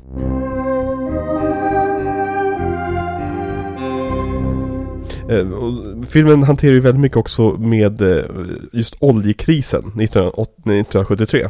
Mm, det var någon, ja jag kommer komma tillbaka till det. Fortsätt. Okej, nej jag tänkte bara, är väldigt intressant att se hur saker och ting bara går i vågor. För det är just det, dit vi kommer hamna snart igen. Alltså på den nivån liksom, att vi kommer ha stora långa köer till bensinmackarna. Liksom. Ja, just nu är det bara CP-dyrt. Ja, precis, exakt. Det är bara ont i röven när man ska tanka bilen. Ja, för du tankar ju bilen så ofta. Jag tankar bilen då och då. Du har väl ingen bil? Jag har en bil. Har du en bil? Ja. Vems bil är det? Det är min bil som jag delar med min bror. Jaha, okej. Varför har jag inte hört om det här för? Jag vet inte. Du, Du såg, du, du mötte mig nere vid bilen. Jo men jag tänker, du lånar alltid folks bilar. Och du hittar alltid bilar efter på upplopp och grejer. Så, Ah, jag tänker Ja. så. Ja. Ehm, nej men till det då att en del av svagheten med den här filmen, eller det som jag tycker kanske då blev någonting som jag inte föll för den här gången, det är Mm. att jag vet inte riktigt om filmen vill vara en komedi eller om det vill vara ett drama. Mhm. För jag tycker inte att den är tillräckligt komisk för att den ska leva på sina komiska element och jag tycker inte den är tillräckligt dramatisk för att den ska leva på sina dramatiska element. Och oljan är till exempel en sån grej och även sen när vi med um, politikern, att de här Mm. kapitlerna, de engagerar mig inte riktigt, eller de engagerar mig och sen släpps de bara. Mhm. Och det tycker jag är lite synd att det blir som bara egentligen, vi måste fylla deras kapitel när de är kära eller inte kära i varandra med olika små nuggets. Mm. Och det var väl lite det som jag kände att typ ta när vi kommer till restaurangen och eh, politikern och hans pojkvän är där och tjafsar. Mm. Då kände jag bara att I don't give a fuck. Det är verkligen just den, den här vignettaktiga biten av filmen som jag verkligen älskade med filmen. Att den handlar egentligen inte om någonting egentligen. Mm. Utan det, handl- det är bara som ett nedslag i 70-talet. Eh, och det tyckte jag är en av filmens eh, eh, främsta fördelar. För just efter till exempel in, ehm, Phantom Thread som var väldigt tung och väldigt liksom så här, oh, här får man sitta och analysera vad det här var för något. Liksom. Så, så var det så skönt att bara se en film som var, var ja men it's a good time. Mm. Jag, jag- jag, jag håller med om det. Alltså, jag låter mer negativ än vad jag är. Jag kommer nog låta ännu mer negativ än vad jag är. För jag tycker att den här filmen har väldigt, väldigt härliga toppar. Mm. Men jag tycker ibland att det blir på tok för sömnig. Då Mm. kanske jag hade önskat att om du då ska göra den här filmen där det bara är en ride, då hade jag nog behövt ett högre tempo. För ibland blir det de här, när jag förstått att det blir restarts av olika intressen eller olika businesser som eh, Gary gör, då känner jag, ah, okej ska vi starta någonting igen? Mm. Okej, jag hade gärna bara sett att du kanske då fokuserade på din skådiskarriär genom hela filmen och det var någonting som utmanades. Mm. Men du nämnde politikern som spelas av Benny Safdie. Mm. Benny Safdie är jättebra i den här filmen tycker jag. Mm. Och han, det är kul att se honom, att han får utnyttja sin range lite grann. va. För jag, jag har ju bara sett honom i eh, Good Time. Jag med. Och där tycker jag han är helt briljant också. Men han spelar ju en väldigt annorlunda kar- karaktär. Ja, och jag trodde ju att skådespelaren var döv efter jag hade sett Good Time. För han gör så jävla bra ifrån sig den. Han är fantastisk i den. Ja, nej jag tyckte, Safdie är väldigt bra. Och han ska ju vara med i Oppenheimer. Så nu tänkte jag att vi ska leka vår nya favoritlek. Är den här skådespelaren med, med i Oppenheimer eller inte? Let's go.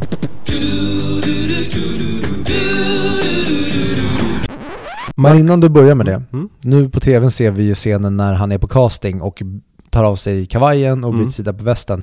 Här har vi ju Philip Seymour Hoffman Ja. när han tittar in i kameran. Man ser ju honom rakt igenom. Verkligen.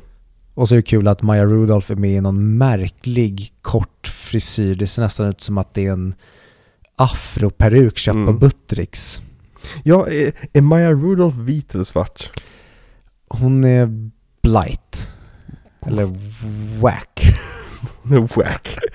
Ja, det, är, det är oklart faktiskt. Det är, hon ser ut att vara både vit, både svart, judisk och Mm. även skulle kunna vara sydamerikan. Ja, hon, har väl, hon kan spela alla etnicities. Mm. Lite grann som eh, John Leguizamo. Vet inte vem det är. Jo, när du ser honom vet du vem det är. Vad är han med? Eh, han eh, presenterade We Don't Talk About Bruno på Oscarsgalan. We don't talk about Bruno. We don't talk about Bruno, no. En, var det en kantalåt eller? Ja, precis. Han kommer fram och pratar. Han, han, är, han är lite Weasley, eh, inte Weasley som är rödhårig utan Weasley som är Vessla-aktig. Eh, har du sett Moulin Rouge? Nej. Har du inte sett Moulin Rouge? Nej. Oh my god, vi måste köra Baz Luhrmann helt enkelt. Eh, nej men han, han har sådana här utseende, om vi googlar honom sen i pausen så kommer det säkert, alltså han har ett sånt, han har varit med i allt. Eh, jo, men då ska vi spela, är den här skådisen med i Oppenheimer eller inte?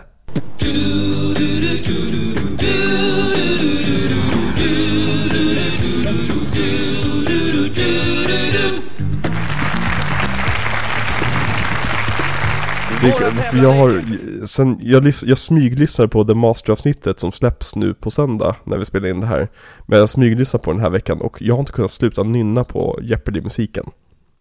Jag borde lägga fler brainbugs. Ja, gör inte det. Jag hatar dig Viktor. Dra åt helvete. Eh, men då tar vi första, första då. Michael Caine. Oh. Med. Nej. Nej! Dane DeHaan. Med. Det stämmer. Gustav Skarsgård. Med. Det stämmer. Alexander Skarsgård. Inte med. Det stämmer också. Emily Blunt. Med. Det stämmer. Hon spelar den andra huvudrollen. Hans fru. Oppenheimers fru alltså. Som eh, John Krasinski spelar. Ja, exakt, exakt. Eh, Alex Wolf. Ja, antingen är han eller Nate Wolf, så jag säger stämmer. Det stämmer. Gary Oldman. Inte med. Han är med. Anne Hathaway. Inte med. Är du säker på det? Ja. Nej, hon är inte med. Kenneth Branagh. Oh. Inte med. Han är med. Hugh Jackman. Inte med. Stämmer. Marion Cotillard. Inte med. Stämmer också. Och Alden Ehrenreich. Oh. Han Solo himself. Med. Han är med. Ja.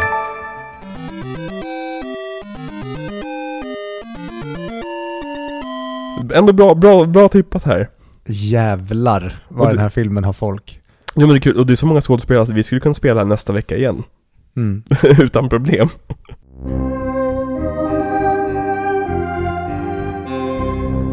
Men, jag vill prata lite grann om Bradley Cooper.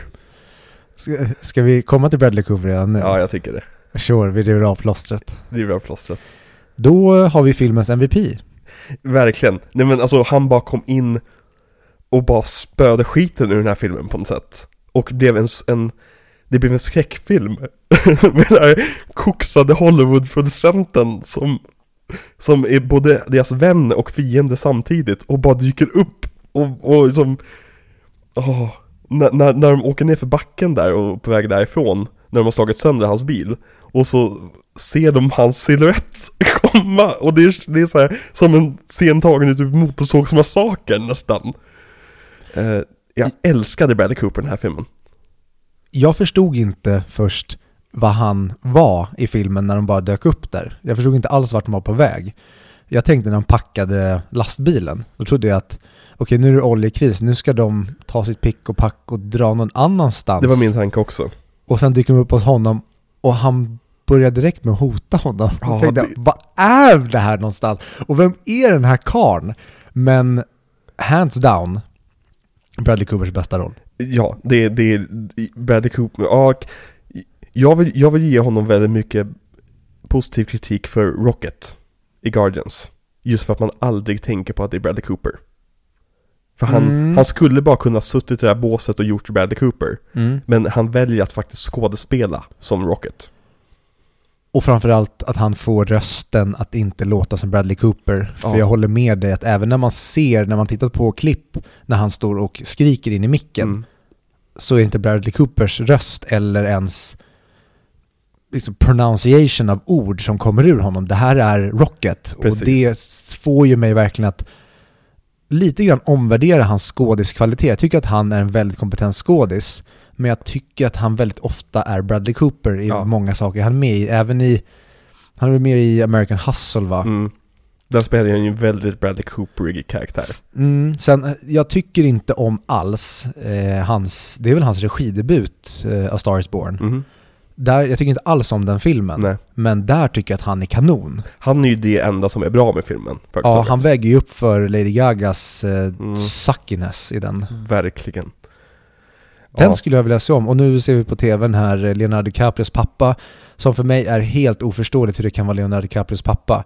För att den där mannen ser... Jag, jag vet inte vad han ser ut som. Men han ser inte ut att ha mannen som ser ut att vara skapad i ett labb som barn. Nej, nej men det är... Oftast brukar det vara så att det två snygga personer brukar ju inte få ett väldigt snyggt barn för att det blir som för perfekt. Utan du kräver, det krävs lite grann av den här kantigheten i två olika personer som sen möts i en perfekt synergi. Minus och minus blir plus. Ja men precis, exakt. Men jag vill prata lite grann om karaktären som Bradley Cooper spelar. Kör hårt. Det är nämligen John Peters som är en legendarisk Hollywoodproducent och Barbara Streisands ehm, ehm, klippare, vad heter det?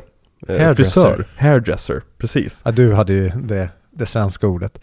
Precis, nej men han, han, han startade som, som frisör helt enkelt eh, och Innan nu. Det här... John C. Reilly, Ja! och man hör bara hans röst och man känner bara en sån värme. För jag tänkte det att det här ska jag kolla upp, men jag har inte kollat upp det, men jag är så säker på när jag såg Ja. det att det här är John C. Reilly och tillbaka till varför jag älskar den här jävla mannen Paul Thomas Anderson. Mhm. Du stoppar in karn i en Frankenstein direkt bara och han är med i fem sekunder Ja men han, och sen är spel, borta. han spelar ju eh, Papa Monster från The Monsters. Mm. Ehm, och det är perfekt casting, bara så här. Ja, vi har med John C. Reilly, min bästa kompis typ, eh, Ja. i, i den här rollen. Och jag tänkte, när kommer han tillbaka? Ja, Men det gör han inte. nej, exakt. Det Mm. var en liten, liten cameo för de som är innan det. Mm, och i den här scenen då, när de är på den här mässan, Mm. där han ska då presentera vattensängen, Mhm. Väldigt boogie, nice, boogie nightsk look när de kör one take och den glider i lens flares och de är... Och det är många långa tagningar i den här filmen överlag. Mm. Eh, men John Peters, han är då mest känd, kanske nu för tiden, eh, som den person som köpte rättigheterna till Superman på 90-talet. Och ville då göra filmen Superman Reborn, Superman Lives eller Superman Flyby. Det hade olika, olika titlar under olika bitar av produktionen. Så har du Superman Flyby. Ja, jag vet. Ja, den här mannen är sinnessjuk. Han, han är personifieringen av kokain. Ehm, för Kevin Smith har ju berättat hur Peters ville omdefiniera vad Superman var för något. Och han var besatt av att inte låta Superman flyga, inte låta Superman ha Superman-dräkten och krävde att Superman skulle slåss mot en stor metallspindel på slutet. Allt det här låter ju som väldigt bra idéer i ett vakuum. Mm. Men sen har vi ju fått Man of Steel där vi trodde att vi skulle få den Nolanska Superman-filmen där de skulle kanske göra mer då att ja men han behöver inte vara Superman hela tiden, vi kan göra någonting mer intressant av kanske Clark Kent. Och sen blev det bara att han, han och Michael Shannon stod och slog varandra genom skyskrapor i en timme. Ja. Ehm, men han ville ju kasta Sean Penn som Superman. Efter att ha sett Dead Man Walking. Jag vill se en bild på hur Sean Penn ser ut för det här laget, för för mig finns det ingenting supermanskt över Sean Penn någon gång. Ja, nej men du kanske, eh, Peters sa att eh, Penn had the eyes of a caged animal, a fucking killer. Och då tänkte han Superman. uh, de landat slut på Nicolas Cage. De Där- bilderna har du väl sett? Och, ja, och där tar vi ju bort kanske då Caged Animal, men det är fortfarande en galen person. Ja, nej men, ja, Säga vad man vill om Henry Cavill, men jag tycker väldigt mycket om hans Superman. verkligen. Jag älskar hans Superman. Eh, Men några av hans an- andra krav på filmen var ju då att skurken Brainiac skulle ha en robotbutler, att Brainiac skulle slåss mot isbjörnar, samt att det skulle vara en rymdhund med. Eh, Hans citat är som Chewbacca, eh, för att sälja leksaker till barn. Och vilket år snackar vi nu? mellan 89 och 99 Ah, höll de okej. på med det här. De höll på med det jättelänge. Kevin Smith skrev om det här manuset flera gånger. Eh, JJ Abrams togs in för att regissera filmen innan han var JJ Abrams.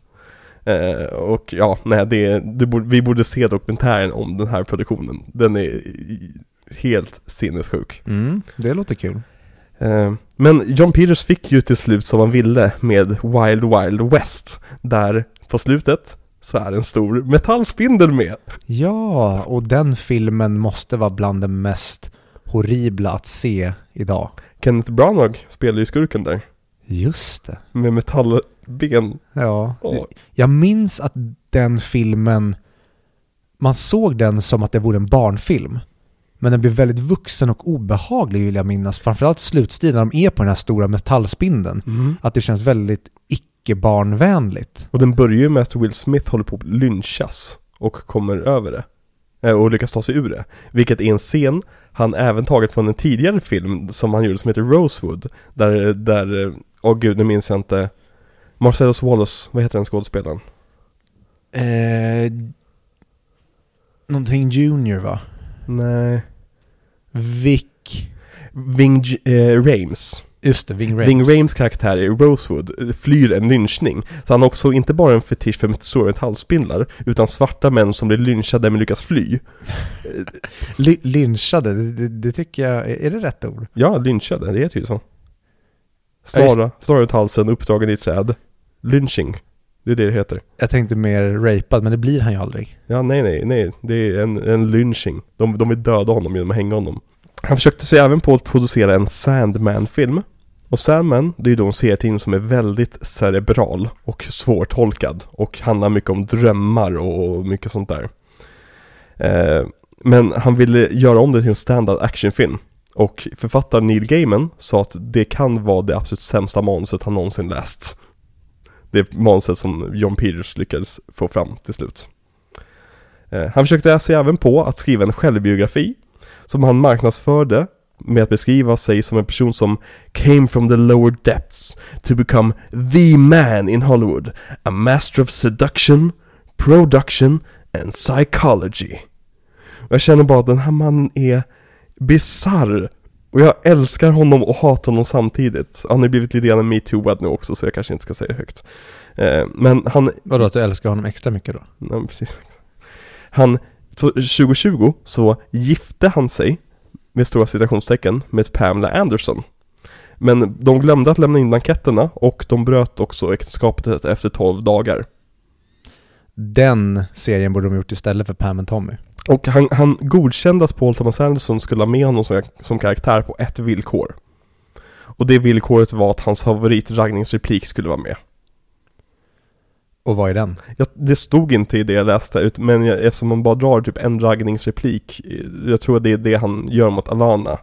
Med det här, när, när han styr bilen förbi hans egen bil. Och han Mm. typ, eh, typ, you're into it. Eh, någon, någon, jag vet inte, det är väl sexuellt under den scenen. Mm, I en annan film där den personen kanske hade varit lite mer vänlig mot Gary. Då Mm. hade det kunnat vara en scen där han försöker få honom att man up och visa att nej men du får ju ta hugga tag i den här kvinnan. För annars kommer sådana som jag att ta henne. Precis. Men i den scenen så är det ju bara att hej. Precis, precis som när han sedan kommer tillbaka i underbar scen han kastar saker genom skyltfönster. Ja. Och så kommer det två kvinnor med tenniskläder och han bara Och han vänder. bara går och går- efter dem. Ja, jag älskar det. Eller när han, när han rycker bensinmunstycket ur handen på personen och håller tändare mot och typ liksom hotar med att "Ja, men jag kommer bränna upp dig om inte du, det är mitt bensinmunstycke nu. Jag ska ha bensinen här. Mm. Vi kommer komma till eh, Sean Penn, men jag hade nästan kunnat klippa Sean Penns del och ha den runtimen av mer av Bradley Cooper för det här hade kunnat vara en Oscarsvinnande roll om de bara hade låtit honom få mer runtime. Verkligen. Verkligen. Och han kommer från ingenstans Ja. och bara skallar den här filmen. Och liksom drar ner ko- kokain, slänger upp sin kuk på bordet, alla skrattar åt att den är liten, han bryr sig inte, han springer förbi, är borta i fem minuter, kommer tillbaka, drar mer kokain. Det är, som, det är verkligen, nej, Han är underbar karaktär. Ja, och han börjar med att, och jag älskar hur de liksom framar både honom och Gary Ja. när det är deras första scen tillsammans och han avslutar med att säga att jag kommer strypa din lillebror. Åh, gud. Ja. Men vi kan ju lika gärna prata om Sean Penn när vi ändå är inne där. Vad, Ja. vad tyckte du om Sean Penn i den här filmen? Varken ja eller nej. Ja. Jag tyckte den delen var ganska ointressant. Det var lite snyggt det här det här klassiska att jag är med honom för att göra dig avundsjuk. Mm. Och det var kul att det var en gammal gubbe. Ja. Och att hon satt med två gamla gubbar som sen till slut inte brydde sig om henne och hon sitter bara, jag förstår inte. Vad, vad är det du säger för någonting? Och hela det här sjuka med att de ska återskapa den här scenen från en film han har varit med i när han hoppar med motorcykel. Ja. Och hoppet är så litet och patetiskt till slut efter all den här uppbyggnaden. De har tänt eld på golfbanan och dragit ut alla liksom, besökare inne på restaurangen och grejer. Och han vurpar och sen bara, ja Ja. okej, okej. Och alla jublar och kommer och tycker att han är världens coolaste snubbe. Verkligen. Och där, där kommer vi liksom till det här till som kändisskap. Det, är inte, alltså det gör dig själv hög, men det gör ju också a- så att andra är höga på dig. Ja. Ehm, och de är ju på den här krogen, eh, The Tale of the Cock. Som är då, var då en väldigt, väldigt känd eh, krog i eh, det här området. Eh, där det just var mycket Hollywood-personer som satt och åt bredvid liksom mom and pop, så att säga. Eh, och de har ju då byggt upp den igen, eller den rides ju eh, någon gång på 80-talet har jag för mig. Och den, ehm, de, de återskapade den inne på Van Nuys Golf Course. Som är en restaurang där, som vi såg i Magnolia.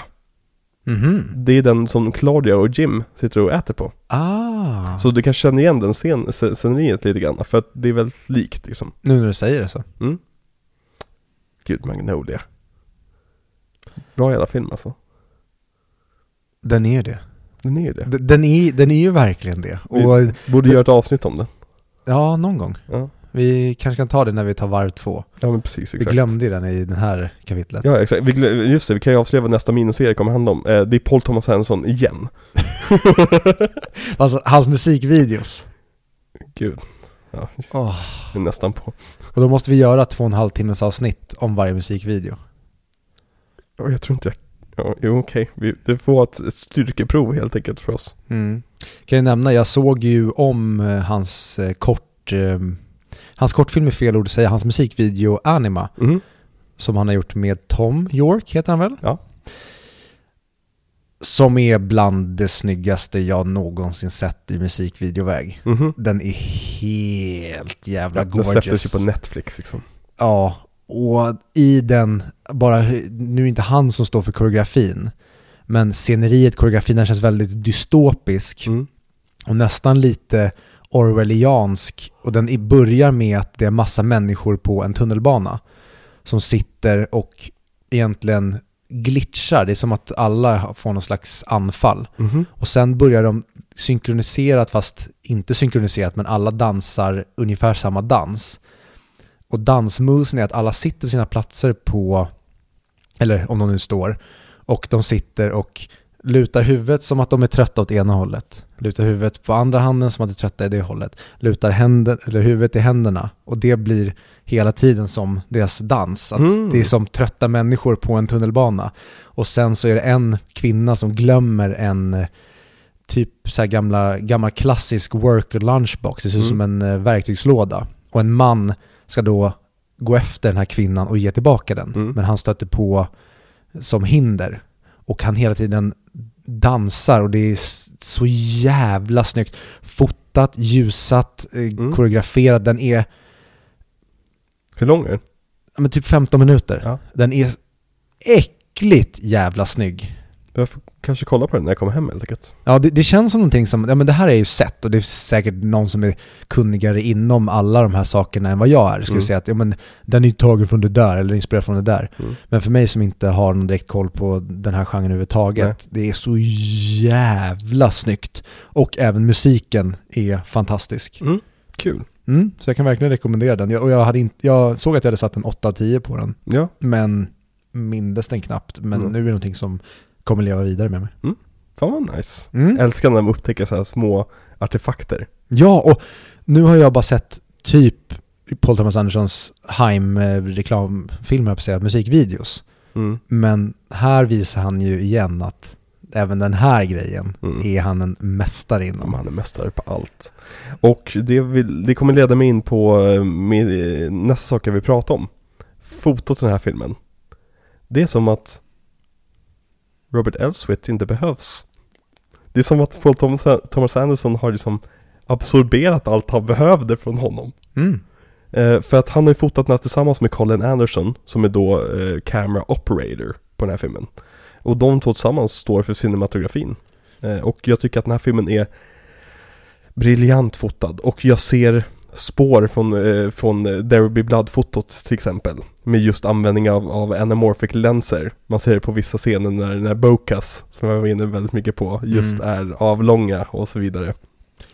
Helt underbart. 35 mm och det de gjorde med den här filmen var egentligen samma gamla eh, trick som de använde på There Will Be Blood. De använde sig av gamla linser helt enkelt.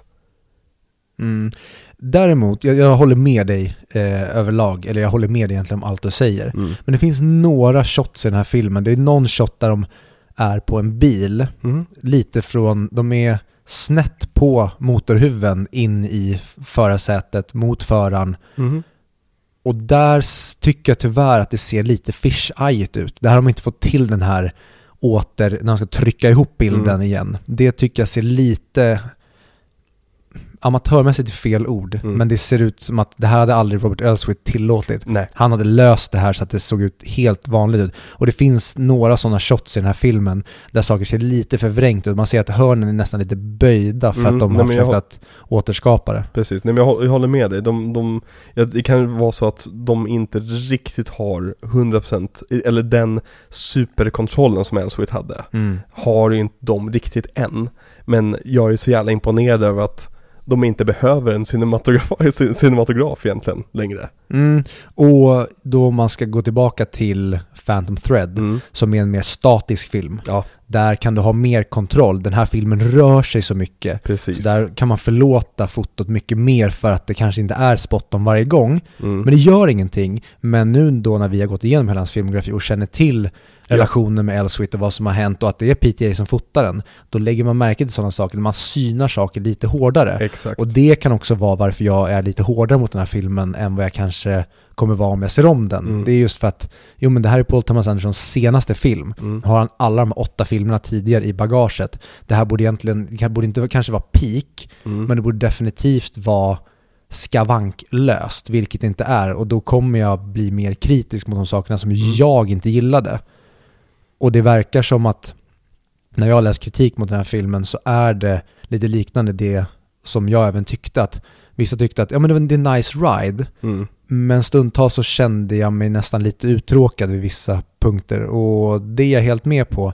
Men med det sagt, uttråkad som att det är inte uppe på 5 av 5 nivå genom hela Mm. filmen utan den dippar ner till 3 av 5 ibland. Mm. Det blir aldrig sämre än så tycker jag. Nej men jag skulle säga att jag blev aldrig lika uttråkad Okej, uttråkad är fel ord men jag tror du fattar vad jag menar. Alltså det, det Mindre, super, mindre superunderhållen. Precis. Jag tycker att Master har, har mer problem med det. Alltså otydligheten med mas- The Master. Eller Master. Än den här filmen. Just när det kommer till att jag kände att kan det inte bara gå vidare nu? Mm. Skulle eventuellt kunna hålla med dig där. Då kommer väl den undan med att den är mer Phantom Threadsk. Mm. Att de lugna bitarna är mer som att, nej men jag förstår nog bara inte det här.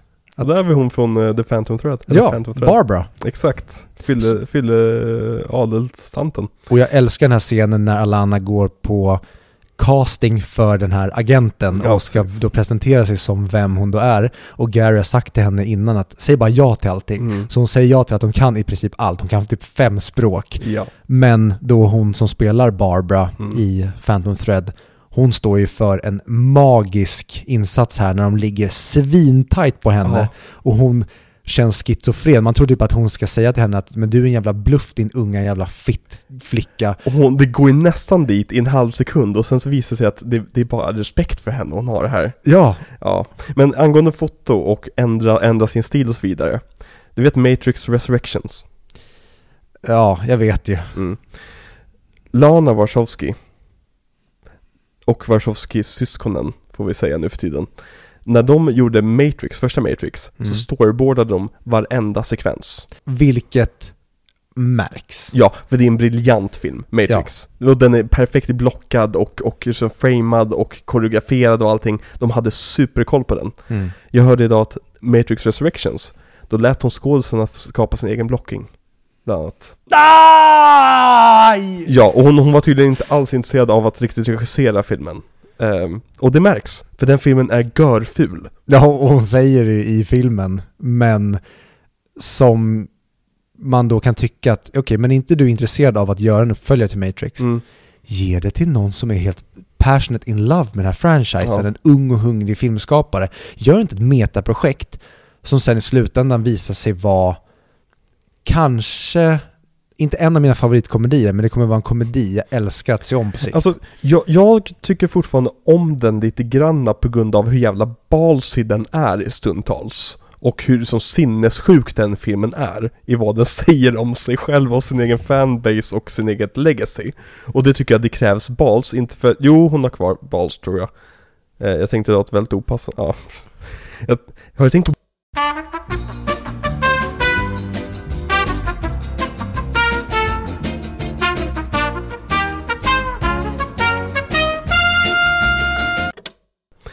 Men gå tillba- vi går tillbaka till det eh, jättefina fotot och, och eh, hur de fotograferade den här filmen. Jaha, jag tror du menar Matrix Resurrections. Li- Licorice Pizza.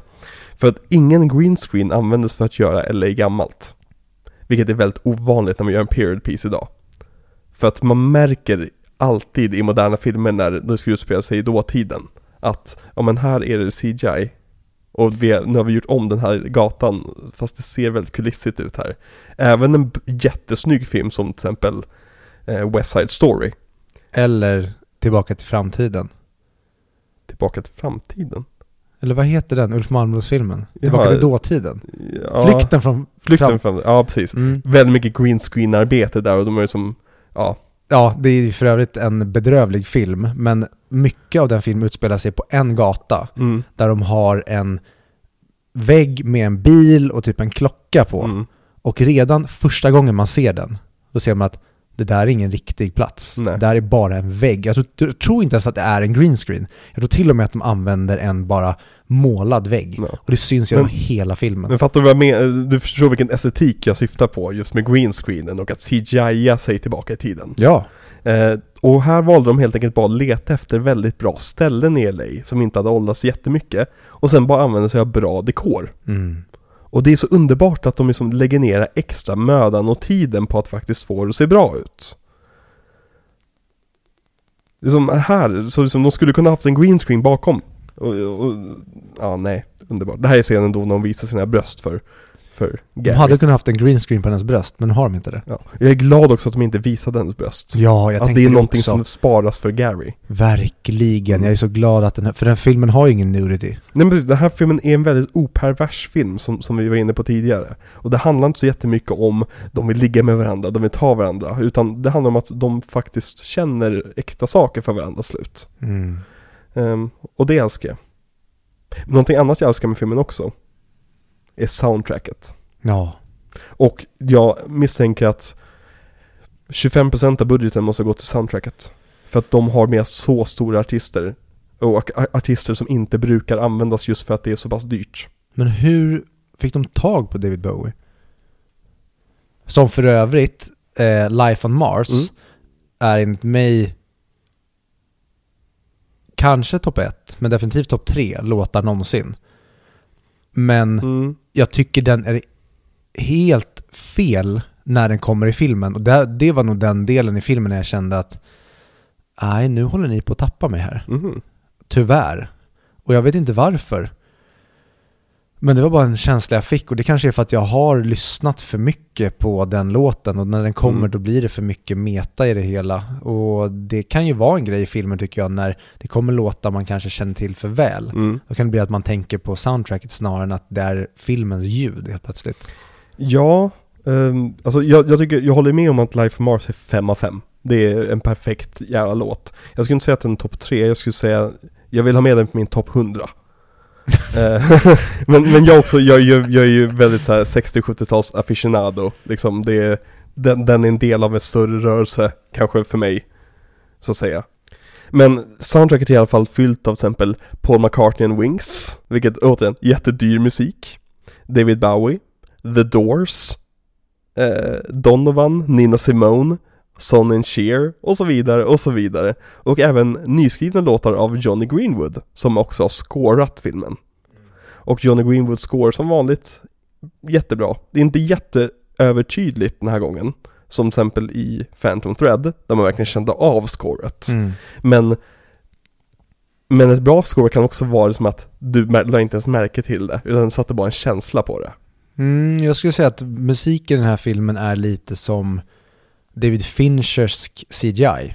Den är bara där för att allting ska, det ska förstärka känslan av vart vi befinner oss och ta bort saker Ja. som vi kanske annars tänker på. Den, den ska bara vara där för att få oss att känna oss ännu mer som att vi är i 1973. Precis, exakt.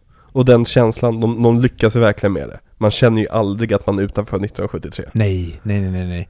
100 procent. Jag, är- jag är helt med dig på allting du ger en ros för. Mm. Det, det är bara det att den, den, den tappar mitt intresse Mm. ibland. Och det är det, min kritik till den. Jag tror att om, om vi ser om den här om ett år tillsammans Mm. och har liksom en, en kväll med den, Mm. då tror jag nog att allt det här kommer vara bortblåst för dig. Ja, För Och det- som, ska säga det att jag är inte nere på någon så här, ja den är 3 av 5. nej. Jag, jag ligger mellan en, den, den- är och nosar på en 4 av 5. Mm. Och den är nog förmodligen en 4 av 5 när jag ska sätta mitt betyg. Mm. Men det är bara att jag hade såna jävla förhoppningar framförallt av första 20 minuterna. Mm. För då kände jag att yeah, nu är vi på väg, det här är en inherent vice igen, att här får vi någonting som nödvändigtvis inte handlar om något, så här, något stort eller en egocentrisk person eller något bombastiskt, utan här kommer vi få den här awesome riden. Men till skillnad från inherent vice så tappar jag intresset då och Mm. då och sen måste komma tillbaka in i det. Mm. Hur ska du kunna försvara din filmcred när du sätter Inherent Vice framför The Master och den här? Hur ska du kunna se filmnördar i ögonen igen? Exakt så. Att shut the fuck up. Exakt. Ni har problem. Och jag är så jävla... Åh, det, det är... Nu är vi inte ens klara med avsnittet, men det är det jag är mest glad för med hela PTA-kapitlet. Mm. Det är hur mycket jag älskar Inherent Vice. Mm. Och jag skulle nog... Vi satte, jag satte en 8 av 10 på den när vi pratade om den. Mm. Men den är nog uppe på 9 av 10 nu ju mer jag tänker på den. För det är en film som bara, snälla, snälla, låt lite tid gå för jag vill se om den här typ nu! Vi kommer prata mer om Inherent Vice när vi går igenom, våra listor. All right. jag. Så vi släpper Inherent Vice för stunden. Sure. Eh, men jag vill prata lite grann om kontroverserna kring den här filmen. Vi var lite inne, inne och nosade på det just med den här rasismen mot asiater. När han pratade så här då. Ja men precis, och det är ju inte rasism mot asiater i det att filmen är rasistisk mot asiater. Utan det är en karaktär som är det. Och en karaktär som också får rätt mycket skit av filmen, som sagt. Filmen hånar ju den här, liksom, inkompetenta mannen. Som också bara byter ut sina fruar till en ny asiat, asiat liksom. Vilket också är helt magiskt när han hälsar på henne igen så här. Åh hej! Och sen, nej det här är inte hon, det här är en ny fru. Verkligen, verkligen. Men en annan väldigt stor kontrovers som Filmtwitter pratade om och de, de eh, eftersom de fick, i USA fick den här filmen lite tidigare än oss i Sverige, så har jag hört de prata om den här filmen i flera månader innan jag ens kunde se filmen. Kan du gissa vad den andra kontroversen är? Och det här är en stor kontrovers, alltså en kontrovers som gjorde så att folk satte en 1 av 5 på den. En kontrovers som, som fick folk att säga att jag tänker aldrig mer se en Paul Thomas Anderson-film. Oh, ja, då vet jag. Alltså jag skulle tänka mig att det har någonting med bögarna att göra. Nej. Nej, då har jag ingen aning. Åldersskillnaden. Äh men... Die! Och där, där tycker jag så här, ja, och filmen pro- problematiserar om det här också tycker jag. Inte kanske på pappret, men under hela filmen så att jag tänkte varför har hon inga, inga jämnåriga kompisar? Varför hänger hon inte med sina jämnåriga människor? Och det är verkligen, filmen kommenterar på det, fast kanske inte in your face. Men det är ju för fan vad typ hela filmen handlar om. Jag vet, och folk är så dumma. För eh, okej, okej, den som inte har sett filmen och bara lyssnat på avsnittet i alla fall. Han är 15, hon är 25. Och, alltså först och främst vill jag bara lägga till en jävla brasklapp. Han är bra mycket mognare än sin ålder. Alltså bra mycket mognare än sin ålder. Och sen är det han som är på henne väldigt mycket. Och sen också, på 70-talet, då var inte det en så stor grej. Kanske en kontrovers å- åsikt idag. Och jag säger inte att det är okej för som 25-åriga dudes att kladda på 15-åriga flickor. Liksom, det, det är inte, alltså, men, Men- filmen sätter upp ett väldigt, väldigt specifikt scenario där det här faktiskt är helt okej. Men vad vill de ha? Alltså, är inte, när vi pratar radikalfeminister, är det här är det inte radikalfeminister, det här är alla, det här är random folk som blir icky av det här. Nej, jag, jag säger inte att det har med det att göra, Ja, men om man ska då prata om vad folk idag skriker om när det kommer till feminism och jämställdhet och det. Om vi vänder på det, Mm. ja okej, ja men då är jag väl med på att, då kan jag förstå att det finns en kritik, Mm. även om jag aldrig är med på när det kommer till kritik i filmer. Mm. För att, som du säger, det här är karaktärer som gör det. Ja. Det här är vad filmen handlar om. Bara för att man gör en film om nazister, då betyder inte att man är för nazismen. Ja men så här, Brian Singer, nu en hemsk människa på, på andra sätt, men Det han, vet vi inte. Han, han är ju, han är ju pedofil. Eh, Han är inte dömd. Okej, han är inte dömd nej, men det, jag har läst lite för många stories för att jag ska ge den mannen frikort om man säger så. Det får stå för dig. Ja. Eh, men han, han, jag för mig att han, han är halvjude och han har gjort två filmer om nazister, till exempel.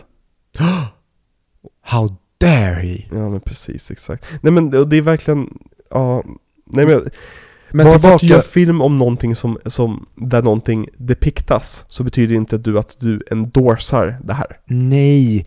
Men det är ju tillbaka till det här som, det här är, jag har aldrig studerat det här, men som jag har förstått det av att lyssna på samtal, poddar och även Mm. haft då en eh, person i min närhet som har studerat på en em, klassisk svensk högskola idag som har blivit nästan ansiktet utåt för den här, Södertörn? ja Okej. precis, att man pratar om det här med att reproducera. Mm. att om du säger någonting, då, då puttar du ut det in the universe och då är du med att skapa det som det här att om du drar ett våldtäktsskämt, i slutändan kan det leda till en våldtäkt. Precis, för Och- ord skapar ju verkligheten. Ja men det är ju den logiken som används att, ja men om du gör en film om att, här är till exempel en bild när Sean Penn åker bilen och ser att bilen är helt curvad, Mm. vilket jag tycker att den här shotten är jävligt snygg, Mm. men det är en- där jag verkligen tänkte på att gud vad det ser fish-ejet ut. Mm. När Sean Penn är helt galen och kör bilen, hon sitter bredvid. Japp.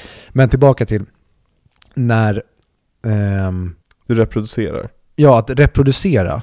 Att bara för att jag säger någonting så betyder inte att jag står bakom det eller att bara för att du säger någonting så kommer det då sprida som pollen i luften och landa på någonting annat som sen kommer skapa det som du har put out in the universe. Nej. Det är så infantilt och korkat att säga någonting sånt. Mm. Och om vi då tar film, vad är det vi ska göra film om då? Är det bara fina historier om alla människor som är helt fria från varenda liten brist? Det är ju precis det motsatta vi vill se film om. Ja. Vi vill ju se filmer om människor som begår misstag och gör fel. Och nu säger jag inte att den här filmen gör något fel Mm. överhuvudtaget. För att det är inget konstigt att en tjej som är 25 år, som inte riktigt har vuxit till sig, Mm. Fattar tycke för en kille som är 15 år men beter sig lite äldre. Det är ju det som är hela poängen. Att hon säger från början att back off din jävla snorunge, ditt jävla creep. Mm. Men ändå hans charm lyckas få henne att stanna kvar. Precis. Och sen har de sin battle genom hela filmen där de båda tycker om varandra fast de borde inte tycka om varandra. Exakt, och som, som jag sa i början också, de möts i mitten. Mm. De möts på 20, skulle Mm. man kunna säga. Ja. Verkligen, alltså och, och Paul Thomas Anderson verkligen visar att Gary är en mogen 15-åring. Han har fan, han skapar tre företag i Mm. den här filmen. Som han driver själv praktiskt taget. Som är framgångsrika. Och liksom han, det finns aldrig ens en antydan till att han skulle vara ett offer på något sätt. Det är inte något sätt som han blir utnyttjad. Och Alana har också tveksamheter om det här. Och man skulle kunna argumentera för att många anledningar till varför hon är väldigt osäker på om hon faktiskt ska göra det här med honom, alltså komma in i relationen med honom, är just för att han är så pass mycket yngre än honom, henne. Så liksom det finns en, filmen kommenterar på det hela tiden. Det är så jävla dumt. Ja. Och jag, jag vill inte tro att folk har ett, liksom, ett illa uppsåt med sina saker. Men folk kan inte vara så fruktansvärt jävla brända i huvudet och att de inte kan titta på någonting utanför sin egen position. De är så konsumerade i sina egna känslor. Ja. Så jag undrar ibland att, men är det bara illvilja? Nej men det, det, jag tror att det är precis det som vi pratade om när vi lagade mat tidigare. Om det här med att man tar ett meme för långt. I det att folk har blivit sura på att Fast and Furious 10, Fast X, inte heter Fast 10 Your Seatbelts. Att det, det, Men vi släpper innan Victor får en blodpropp. ja men jag håller på att få en stroke. Ja men precis, och vi, vi, vi, vi kommer behöva prata om andra filmer också och så vidare. Så vi, vi, vi kan gå vidare till eh, priserna som det här blev nominerad för. Eh, och eh, inte vann. för den blev nominerad för Best Picture. Eh, på Oscarsgalan som hände då eh, 27 mars i år. Mm, som vi har kommenterat på Patreon. Exakt, det har vi ett avsnitt om. Mhm. Eh, nu när du har sett filmen, tycker du att den hör hemma här? Det gör den inte, eller hur? Fast den är bättre än King Richard. Ja, och i ett starkare Oscarsår Ja. så kanske jag kan tycka att fine att den inte är med. Mm. Men med tanke på de filmerna som är nominerade och med tanke på de filmerna som vann, Mm. ja, då ska den här filmen vara med alla dagar i veckan. Minns du vilken film som vann Best Picture? Förlåt, jag hörde inte för jag är döv. Jaha okej, ja du minns Coda. Jag tänkte att du hade glömt bort det, för jag hade glömt bort det när jag kollade på listan. Och så, vem vann? Ja just det. Vet du vad vi borde, med facit i hand, Ska vi se Coda? nej inte igen, Okej, ja. med facit i hand, då borde vi tagit någon riktigt stark jävla drog och tittat på Oscarsgalan. För den s- ga- galan med facit i hand är en psykos. ja det var ju Ja det var ju riktigt kaosenergi på den galan kan man säga.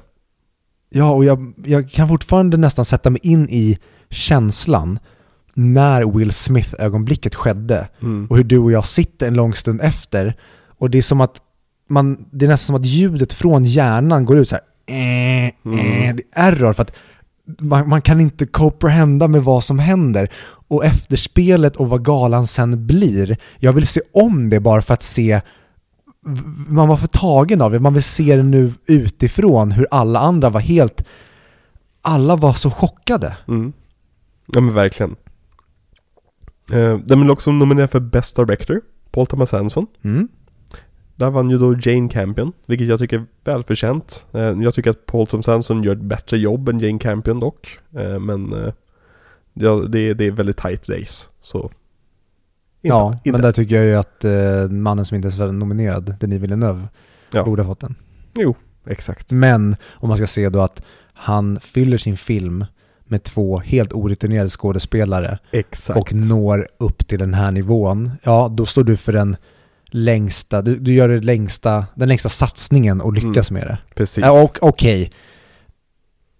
Fan, att få fram den Dune, Mhm. eh, vad säger man, det resultat som det ändå blev. Ja, ur den här oadapterbara boken. Ja, den, den, den slår nog ändå längre. Du borde läsa Dune i sommar. Oh, jag har sån jävla lång boklista. Jo fast det är Dune. Ja, jag vet, men det är, det är så mycket annat som är... Åh, fan, den där måste jag läsa. Ja, just det, fan, jag måste läsa den efter den där. Ja, det är så långt. Men på tal om att läsa. Den tredje Oscarn som den blev nominerad för. Best Original Screenplay. Där vann ju då Belfast. Och nu med facit hand känner jag att fan vad ni valde fel. Det är någon Oscar som jag verkligen tycker att han var förtjänt av här. Mm. Ja men just för att han lyckas få till hangout-känslan så jävla bra. Det är svårt att skriva sådana manus. Ja, men samtidigt Kenneth Branagh skrev väl sitt eget manus. Ja. Ja, så de har ju samma förutsättningar. Mm. Men sen samtidigt, jag har inte läst manuset så jag vet inte Nej. riktigt hur det ska bedömas. Men att skriva den här filmen, antingen så ska det inte nomineras alls, för när man läser den måste det låta, den måste vara helt va? Vad Mhm. är det här för någonting? Men i och med att det blev det här som det blev och någon då har tyckt att ja, men den ska nomineras, ja men då tycker jag att den ska vinna för att Mm. det är ett galet manus. Mm. Ja men det är sinnessjukt. Alltså bara, bara, bara dialogen han ger Bradley Coopers, Coopers karaktär. Ja. Ja. Jag, jag, vill se Paul Thomas Anderson göra mer komedier, alltså Mm. mer Inherent Vice där saker är helt jävla skruvat. Mm, jag hoppas verkligen att det är dit han går härnäst. Det lär ju bli en, eh, någon episk berättelse om vi känner hans pacing i hans karriär efter och sen kommer väl kanske näst, nästa projekt bli någonting lite chilligare. Men man vet inte. Nej. Jag, eh, på intervjun jag såg nu efter den här filmen, så han ser jäkligt tunn ut. Alltså som Bilbo säger i Sagan om ringen. Mhm. För mycket bröd och för lite smör. Mm. Han ser väldigt gammal ut helt plötsligt. Och speciellt nu när vi har följt hans karriär från början till start. Han har verkligen blivit gammal. Han har ju blivit förälder. Mm, ja, ja. jag tror De har fyra ungar. Och han Ja. är gift med Maya Rudolph som inte känns som den lättaste personen på planeten heller. Tror du inte? Jag vet inte, någonting säger mig att hon är väldigt lätt när hon är lätt. Men så fort det brinner till så är hon väldigt, väldigt hård. Ja, okej. Ja, jag, jag får verkligen Mother Bear-känslan av att så här, Paul, gör dina grejer. Okej. Jag, jag tar det här, men sure. Men jag tänker mest att han, han känns, äh, han ser väldigt alltså, nernött ut. Men han kändes 0% nernött ut när man hör honom prata. Hade man bara blundat och lyssnat, ja men då hade det varit Paul Thomas Anderson efter Boogie Nights. Det, varit, det är precis samma energi, precis samma entusiasm. Så, I don't know. Men eh, som vi har sagt tidigare, jag bryr mig inte om du gör en film om två animerade bajskorvar. För att jag vill se allt Paul Thomas Anderson gör. Ja, verkligen. Och med det i hand, nu har vi pratat rätt mycket om den här filmen. Har du någonting mer du vill prata om om den här filmen eller ska vi ta ett litet bryt och sen så hoppa in i våra, våra eh, sammanfattande snack om Paul Thomas Anderson? Jag känner mig nöjd. Då så. Då kör vi en liten bumper på det.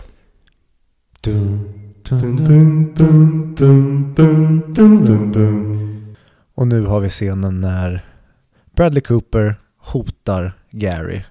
Och hans märkliga gay-kompis står i bakgrunden och de klipper över till honom när han gör konstiga ansiktsuttryck. Här var ju någon slags revival för mig under filmens gång. Ja, det här verkar jävligt kul. Och nu kommer vi nog ha väldigt roligt ett tag. Och jävlar vad roligt vi hade ett tag. Ja. Även sagt, det är som en skräckfilm som bara helt Helt sonika bara klipps in i filmen. Men nu ska vi prata om Paul Thomas Anderson i helhet. Det är dags för det. Det är dags för det. Så, Viktor. Vad har du för relation till Paul Thomas Anderson? Oj. Det är som att det har funnits en... Min pappa har funnits under hela mitt liv. Men han har aldrig varit närvarande. Och nu har jag äntligen fått spendera nio filmer med min pappa. Och nu förstår jag precis var jag kommer ifrån. Nästan. Det, den här karajäveln. Och som vi nämnde nyss när vi var off-podd. Att vi kommer säkert revidera oss när vi ser någon annan briljant regissörs filmer och känna att det här är den bästa regissören som finns. Men det här är i det här tillståndet jag befinner mig just nu med den här resan vi gått igenom med Paul Thomas Andersons filmer, den bästa regissören som verkar idag. Um, nej men det, det är verkligen, det, jag håller med dig 100%. Jag, det var länge sedan jag kände en sån här jävla kärlek för en filmskapare. Mhm. Alltså så här ovillkorslös kärlek. Även en film som jag inte tyckte om så jättemycket som typ Punch Drunk Love ser jag tillbaka på som så här, jo men du förtjänade att göra den här filmen i alla fall. mm. Det är liksom, ja, nej. Det, det så, jag tror, vi har gått igenom väldigt mycket i avsnitten vad vi tycker om hans utveckling och hans stil och så vidare. Men vad skulle du säga signifierar en Paul Thomas Anderson film? Om du fick destillera Paul Thomas Anderson. Tillbaka till det vi pratade om i inledningen av serien som jag det var mer en känsla för att jag inte direkt hade en relation till Paul Thomas Anderson för det var så länge sedan jag såg Mm. någonting av honom. Men det är det här lassot. Att Mm. han fångar in en. Och det spelar typ ingen roll vad han avhandlar för att det är så himla intressant hela tiden. Och ta bara den här filmen, sätt den i händerna på en mindre kompetent regissör. Ja, Och det blir någonting... Äh? Men nu är det istället... Ah. Jo men det, han är så kompetent i sitt filmskapande. Och då är inte filmskapande i hur han berättar en story nödvändigtvis. Utan snarare i att han respekterar konstformen så jäkla mycket. Och som, som vi sa i första avsnittet, som, eller som jag sa i första avsnittet, att han är som den perfekta bryggan mellan pretentiösa filmer och publikfriande filmer. I det att han liksom, han, han är med i bägge världarna. Ja, han är the perfect bridge mellan nördarna och Wikipedia-tittarna. Verkligen. Men jag tror att Wikipedia-tittarna inte riktigt tycker om honom. Att när de ser hans filmer så är det nej, det här var inte så bra som jag trodde det skulle vara. Jag tror det är samma sak, det hände oss, Tobba the Master, att många saker flyger över ens huvud. Mm. Det är en väldigt, väldigt subtil filmskapare som gör saker som man, man tittar på det som sker i filmen och tänker att nej men det här var inte så bra som jag hade hört att det skulle vara. Men sen finns det lager på lager på lager och vinkel på vinkel och han tänker på hela bilden. Och när Mm. du då ser om filmerna eller analyserar filmerna då är det bara ner på knä och buga i riktningen. Istället för att man lägger sig på knä och ber åt Mecka, Mm. då ber man åt Kalifornien och där San Thomas Fernando Anderson. Valley. Ja, det är det som är nya Mecka. Ja, verkligen. Men ska vi dra igenom våra listor? Let's go. Vill du börja då? Vi, nej, vi, vi gör lite annorlunda från Harry Potter. Att du drar din lista uppifrån ner och sen drar jag min, min lista uppifrån ner. Och så får vi motivera längs vägen. Alright, vill Mm. du börja? Eh, jag kan börja. Nummer nio på min lista. Ingen, ingen surprise här tror jag. Det är Punch Drunk Love. En, en jättebra film, eh, väldigt mysig, väldigt intetsägande på många sätt. Eh, mitt största problem med den filmen är Adam Sandler. Va? Ja. Nej men resten av filmen tycker jag verkligen om. Ha, hade vi haft typ Joaquin Phoenix i Adam Sanders roll så hade jag nog tyckt om det, så hade jag kunnat sätta en fyra på den. Mm. Ehm, nummer åtta på listan är The Master. Jaha. Vilket filmnörden i mig skriker på mig att hur fan kan du sätta den så långt ner? Men jag känner bara att så här, den är lite för, som jag sa, opaque. I det att den är lite ogenomtränglig. Men jag tror också att det är en film som kan växa om jag ser om den. Men eh, just nu ligger den nummer åtta på listan. Och jag ger den då fyra av fem. Vilket säger bara vilken hög kvalitet det är på den här listan. Ja, och Punch Drunk var tre. Ja, precis. Mm. En stabil trea. Jag kanske eventuellt kan höja den till en tre och en halv. Om jag känner mig snäll. Mm. Nummer sju på listan är Hard Eight. Som jag blev otroligt överraskad av. På förhand trodde jag att det skulle vara hans svagaste film. Eh, men det tycker jag inte alls när jag såg den. Jag, den är inte lika tight och den är inte lika stabil och eh, effektiv som hans andra filmer. Men man ser verkligen the makings of a great filmmaker i den filmen tycker jag. Och man ser allting som komma skall i den här filmen. Och jag blev väldigt hänförd av eh, Philip Baker Hall. Mm. annat. Som om har försvunnit ur hans filmer. Ja, han är kanske lite för gammal. Tror du? Efter Magnolia. Lever han ens? Det tror jag. Nummer åtta på listan, nej, sex på listan. Är Inherent Vice. Nu tänkte jag säga, va? Den tyckte du jättemycket om. Nej just det, det är Paul Thomas Anderson. Ja, och jag ger den här då fyra och, och en halv Mm. av fem. Ja, du, du, vi är uppe på den nivån. Ja, och det är Inherent Vice-avsnittet är väldigt färskt fortfarande. Eh, jag bara älskar the hangout-vibe och det här med att det är en film som där huvudkaraktären tror att han är i en annan film än den han är med i. Mm. Och han liksom komplicerar filmen alldeles för mycket egentligen och det gör filmen så underbar. Den är hans absolut roligaste film. Och jag tror vi nämnde det lite, lite tidigare för typ en timme sedan att jag önskar att han gjorde fler filmer som Inherent Vice. Mhm. Nummer fem på listan. Det här är en film som jag faktiskt har sänkt efter att ha sett hans andra filmer. Boogie Nights. Det är inte längre en 5 av 5 film för mig. Det är en 4,5 film av, äh, 4,5 av 5 för mig. Mm. Eh, återigen, bara mästerverk i hur briljant fotad den är. Och att det här är hans andra film är sinnessjukt, Viktor. Det är liksom... Man kan inte vara så här kompetent med sin andra film. Mm, nej. Eh, men det sjönk lite grann när jag såg vad annat han har gjort också. Speciellt nummer fyra på listan, Licorice Pizza. Som jag ger fyra och en halv. Du tycker alltså att den är bättre än Boogie Nights? Ja, det tycker jag. Mhm. Jag älskade verkligen Licorice Pizza så mycket. Just, tänker jag använda det här ordet igen, jag har sagt det typ tio gånger i det här avsnittet hittills. Men the hangout vibe. Det här är verkligen en film som är som gjord för att liksom sitta och dricka ett glas vin eller några öl med en polare och sen sitta och kommentera filmen och prata med filmen och liksom skratta åt den och Åh nej, vad händer nu? Och okej, ja men ja, ah, nice och sen så pratar man runt lite grann och nej, nej jag tycker Jag älskade verkligen den här filmen. Jag önskar att jag hade sett den på bio, faktiskt. Mm. Jag var på väg att se den på bio.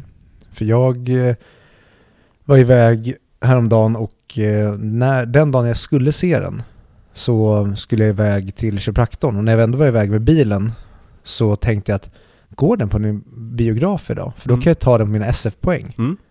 Men nej, den gick bara dels sent Mm. och den gick såklart på bara biografer där man inte kan använda sina SF-poäng. På svenska bio, Ja, bios. så då var det, nej tyvärr, men det är verkligen synd att man inte såg den på bio. Ja, nej men verkligen. Vi borde gått och sett den på bio. Vi, vi sköt oss lite grann själva i foten med det. Ja. Men eh, what the hell, det var ett intressant experiment att spara på den. Vi lär oss det till nästa film vi ens funderar på att göra så med. Precis. Nummer tre på listan. Phantom Thread. Jag blev så hänförd av den här filmen. Mhm. Och jag, vissa filmer när man ser färdigt dem, som till exempel Annihilation. När man bara sitter stum efter filmen är färdig. Mm. Och man måste liksom processa det. Och man vet att det man såg var mästerligt. Man kan inte riktigt sätta fingret på det än.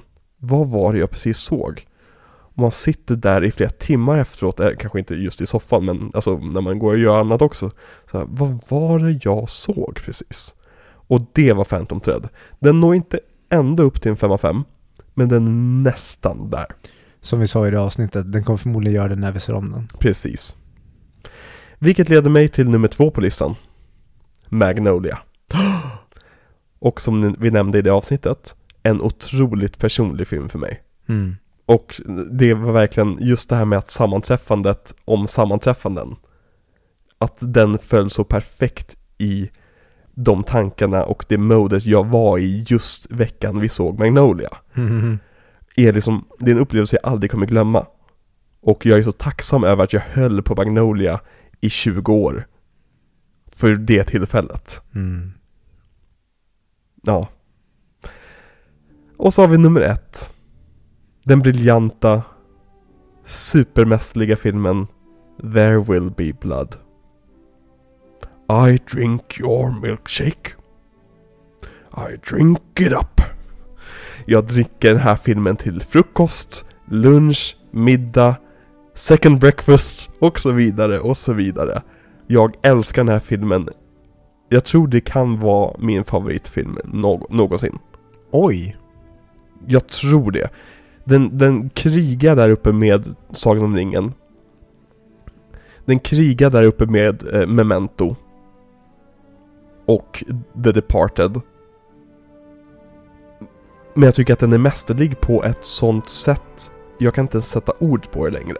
Eh, alltså hur genialt framförd den filmen är. Mm. Så det var min Paul Thomas Anderson-lista. Helt okej filmer. Ja, Är det någonting du var förvånad över på den listan? jag tror att det enda är väl kanske hur högt upp uh, Licorice Pizza kom. Mm. Och hur långt ner Eller vart Hard Eight kom kanske? Nej. Hmm. Nej. No. Ja, kanske att du satte den ändå ovanför The Master. Mm. Vilket är, jag tror jag är den enda personen i världen som har satt dem i den ordningen Ja, kanske. Ja, Mm. go ahead, ge mig din lista All right. To my list. Eller som eh, mannen i filmen skulle sagt Till min egen lita. Jag ska läsa nu. På placering 12. För jag kommer även köra de grejerna av han som inte är långfilmer. Ja, okej, okej, yes. Ja.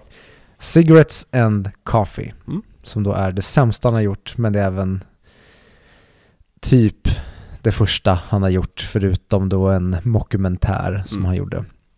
Eh, jättebra kortfilmsversion av det som sen blev Hard Eight. Precis. Placering 11, The Dirk Diggler Story. Samma sak där. Jätte, jättebra, mycket mer komisk variant av Boogie Nights. Som gjorde mig väldigt glad att se efter för att se då, okej, ja det var det här du gjorde och sen gillar jag precis det du gjorde för att få Boogie Nights. Och på placering 10 då har vi då musikvideon då som jag egentligen inte borde räkna som men nu ligger den här på listan och det är Den Anima. fanns på Letterboxd. Precis, och då fick den hänga på in på listan. Men briljant jävla musikvideos, äckligt snyggt koreograferade, de gör väldigt coola saker med ljus och Mm. även eh, använder perspektiv på väldigt balla sätt. Vi kan ju lägga till att vi har listat alla de här på just letterboxd.com Mm. Som är en jättekul filmsajt där man rankar filmer, skapar listor och så vidare. Som sociala medier fast för, för briljant jävla scen och så runkar av munstycket på bensinen och hon står och kollar och typ suckar och lite grann vad är det för omogna. Skitsamma, det var inte det jag skulle komma, och där kommer John Peters. Oh, mm, den här, förstår du varför jag älskar den här filmen? Eh, nej men ehm, Uh, Letterbox är en jätte, jättekul sociala medier-sajt för filmnördar egentligen. Eh, så om ni skapar ett konto där så följ oss jättegärna. Och skriv till oss om ni vill där. Det är bara fritt fram att köra. Go ahead. Thank you very much. Placering nummer 9. Hard Eight. Mhm. Jätte, jättebra debutfilm, eller debutlångfilm. Jag har egentligen ingenting negativt att säga om den, men här märker man att det här är en person som vill bli erkänd. Han tar inte ut sina PTA-svängar här. Han gör en stabil dramarulle. Och bara perfekta startskottet för hans karriär. Mm. Placering 8, då har vi Punch Drunk Love, som jag tycker är en otroligt charmig romcom som står över de allra flesta romcoms jag ser. Sen att den, som vi pratade om i det avsnittet, den lämnar, att den är så kort då i jämförelse med hans andra filmer, lämnar en del att önska för man vill ha ännu mer av det, ännu mer utforskande av filmens olika, både, både huvudplotten men även lite sidetracks hade jag Mm. velat ha mer av. Och sen då, och, och då kan jag säga det att Hard Eight är en 3,5 av 5. Det är en 7 av 10 för mig. Eventuellt en 8 på en väldigt bra dag, men där och då kände jag en 7 av 10. Men med PTA i bagaget så skulle jag nog sätta en 8 av 10 på den. Punch Drunk Love, samma sak, 7 av 10. De är egentligen hugget som stucket vilken som kommer överst. De är typ precis lika bra tycker jag, just för att den ena är den första filmen och den andra är då uppföljningen av Boogie Nights och Magnolia där jag kanske hade förväntat mig mer, men jag tycker fortfarande den är väldigt, väldigt bra. Mm. Placering 7. Licorice Pizza.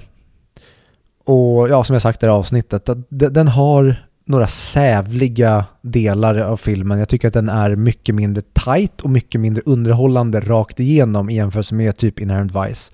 Men jag tycker väldigt, väldigt mycket om den. Det är en 4 av 5. Mm. Så det är fortfarande en väldigt, väldigt bra film. Mm.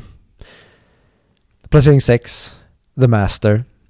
Och det tycker jag bara är, det är briljant är fel ord att säga, men det är en jätte, jättebra film. Jag tycker om vad den gör och jag tyckte framförallt om vad jag fick reda på om den efter jag hade sett den. Mm. Då hade den nog nått högre, men den nådde bara till 8 av 10 när jag såg den.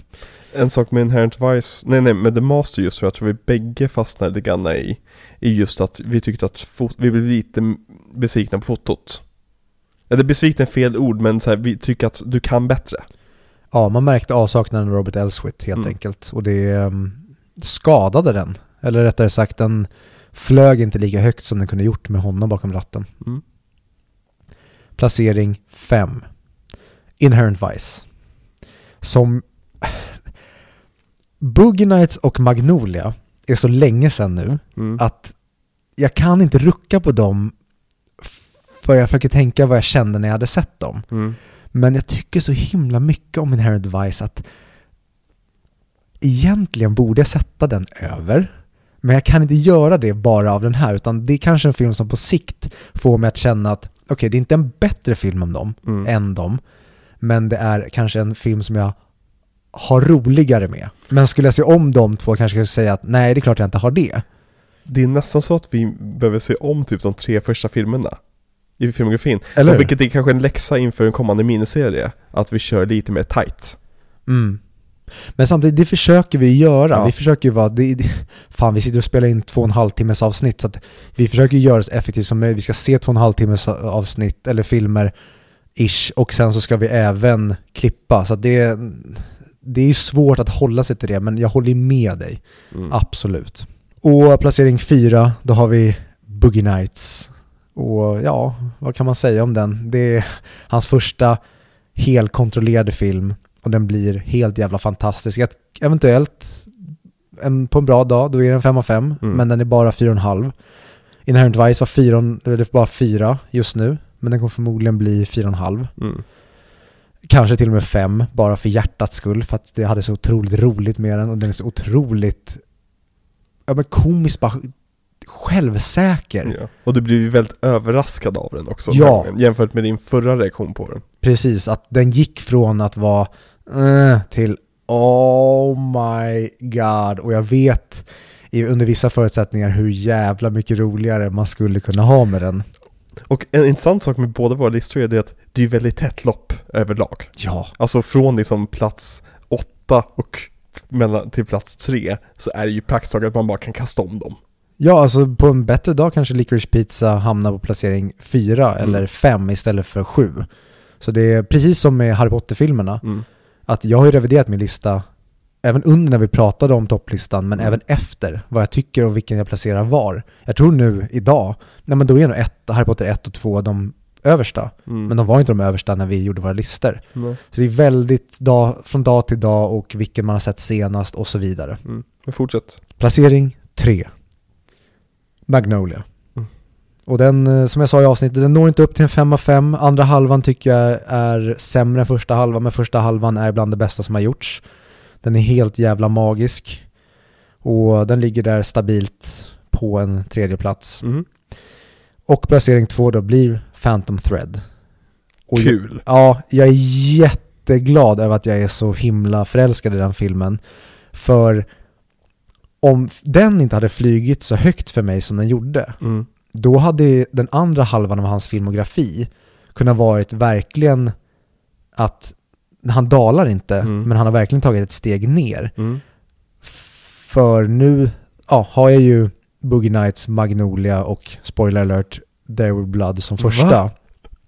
Och då hade ju Phantom Thread tillsammans med Licorice Pizza, The Master, Inherent Vice varit då ett jack ner. Att vi Mm. fick se det bästa tidigare. Men den är verkligen helt jävla briljant och jag tror att den kommer upp till en 5 av 5 som vi nämnde i avsnittet när vi då man eventuellt ser om den. När man har vetskapen om vad man kan förvänta sig och bara titta på den som en tavla man känner igen. Ja. Alltså vi borde ju typ i december Borde vi nästan köra en Paul Thomas Anderson Revisited Alltså inte alla filmer kanske Men bara några filmer och sen köra lite snabbrecensioner på Patreon Ja men typ. Ja. Absolut. Mm. Det... Åh. Det... Ja, nej. Ja. Jag är så glad att ha den här mannen i, i mitt bagage nu Ja. Jag kan Det- plocka fram honom när jag vill ja. Det, det är inte som en konsert man var på, den, den kommer du aldrig få återuppleva. Nej. Det är bara att slå på hans filmer när de finns hela tiden. Det är Verkligen underbart. Mm. Och sen då, ja, som du sa, du är uppe, uppe och snuddar som en av dina favoritfilmer ever. There will be blood. Och jag vet att jag har den här, hade min på topp 100 mm. när vi summerade 100 mick och gjorde våra topp 100-lista. Vad satte du som ett där? Eh, Sagan om ringen. Ja, Fellowship. ja, mm, okej. Och tvåa... ehm, Requiem for a Dream. Är Nej! Eller? 2001 Nej, verkligen inte. Okej. Eh, ja, Requiem eller Lord of the Rings, jag kommer inte ihåg vilken som är etta. Så kul att du tycker om Requiem for a Dream så mycket Ja, men det är, jag kommer tillbaka till det att det är den film, jag har aldrig sett en film som har framkallat sån, den känslan som jag upplever att den vill framkalla. Och den kommer vi också prata om i framtiden Tro oss Det kommer vi garanterat. Och om ni inte så finns det ett avsnitt där både du och jag pratar om den i 100 mick. Mm. Om det är väl första, första poddavsnittet vi någonsin gjorde tillsammans. Ja. Mm. Ja. Och... Där vi även pratade om Batman. Trailern till första Batman. Ja, just. Nej, nej. Robert, jo, trailern var det. Eller hur? Ja, det var trailern. Just det. Eller bilder hade släppts. Ja, var det bara det? Ja, Just det, det var väl eh, bilder på några saker i rött ljus va? ja men precis rätt. Nej, det var den här när man bara såg Batman komma i, just rött ljus. Och så var det melodin. Mm. Ja, en typ fem sekunders teaser. Precis, exakt. där. All right. Yes, Med men... facit i hand. Fan vilken häftig trailer. Då Ja. var man lite så här, hmm, jag vet inte riktigt vad det här är för något än. Mhm. Men nu när man vet vad det är för något så här, okej. fan vad häftigt att du gjorde så här. Fuck yeah. Ja. Mm. Men okej, Paul Thomas Anderson. Ja, Eller men hade du, var, ja. till uh, There Will Blood, Mm. att den hamnade någonstans på min topp 100. Men den är definitivt uppe nu på topp 20 för att inte säga för mycket för man ska också bara jämföra med de som ligger där då. Så eh, det, det är en, vad säger man, den har skickats upp utav bara helvete för det är ju enligt mig en av de bästa filmer som har gjorts. Mm. Och alltid när jag säger det här med min familj, då säger jag alltid Becka och min syrra att, ja så säger de alla filmer. Ja, men, många filmer kan vara en av de bästa filmerna som har gjorts. Det betyder inte att den är på min topp 5 eller topp 10. Den det finns, kategorin innehåller typ tusen filmer. ja men precis, och fortfarande finns det multiplicerat med en miljard-ish filmer till. Mm. Så att det är inte, det säger ingenting egentligen, utan det är bara att den här är så bra som den kan vara. Mm. Sen kanske om den tävlar med andra, men då kanske man placerar den under av personliga preferenser. Precis. Så det, mm, det säger ingenting men det säger väldigt mycket samtidigt och mm, ja, den är hans magnum opus och jag hoppas en dag att han gör en film som är bättre än den, men Med Tompa. ja men precis. Frank T.J. Mackey, the movie. Vilket leder mig på min nästa fråga till dig. Och min sista fråga till dig. Som jag har planerat. Vad vill du se att Paul Thomas Anderson göra härnäst? Ja men Frank T.J. Mackey, the movie. Mm. Eh, skämtsamt, men en eh, riktigt bombastisk satsande jävla rulle på tre timmar med Tom Cruise i huvudrollen. Mm. Men annars vill jag, om han nu ändå ska fortsätta på Licorice Pizza Inherent Vice-spåret, Mm. men gör någonting som Inherent Vice. Någonting som är Mm. riktigt mycket humor, för jag tycker att PTA är så rolig. Mm. Jag vill se honom göra komedier Mm. där det verkligen är skruvat. Alltså mer, ge mig mer Bradley Cooper. Mm.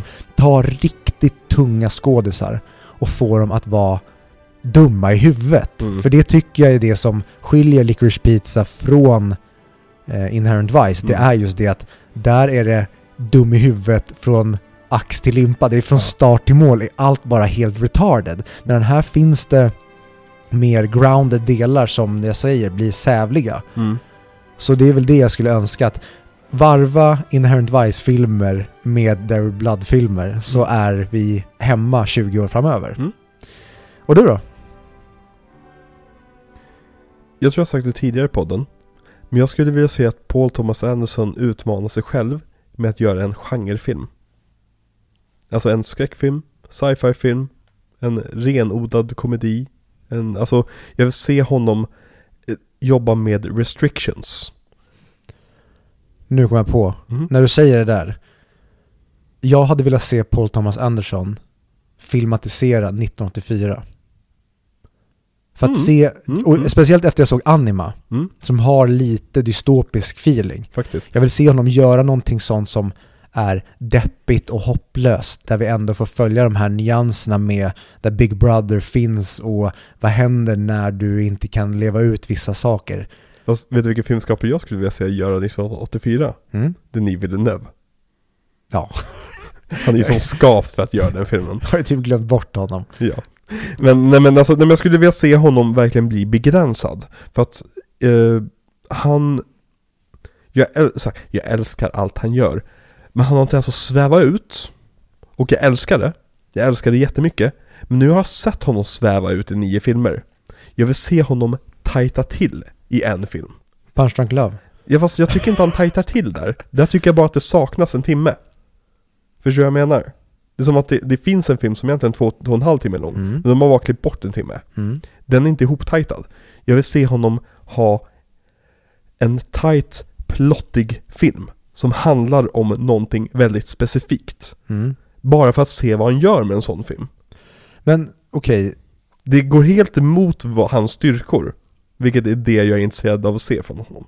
men ta då till exempel kritiken mot Zack Snyder. Mm. Som kan ju ofta vara att den här mannen kan inte göra korta saker, han behöver tid på sig för att göra sina filmer. Mm.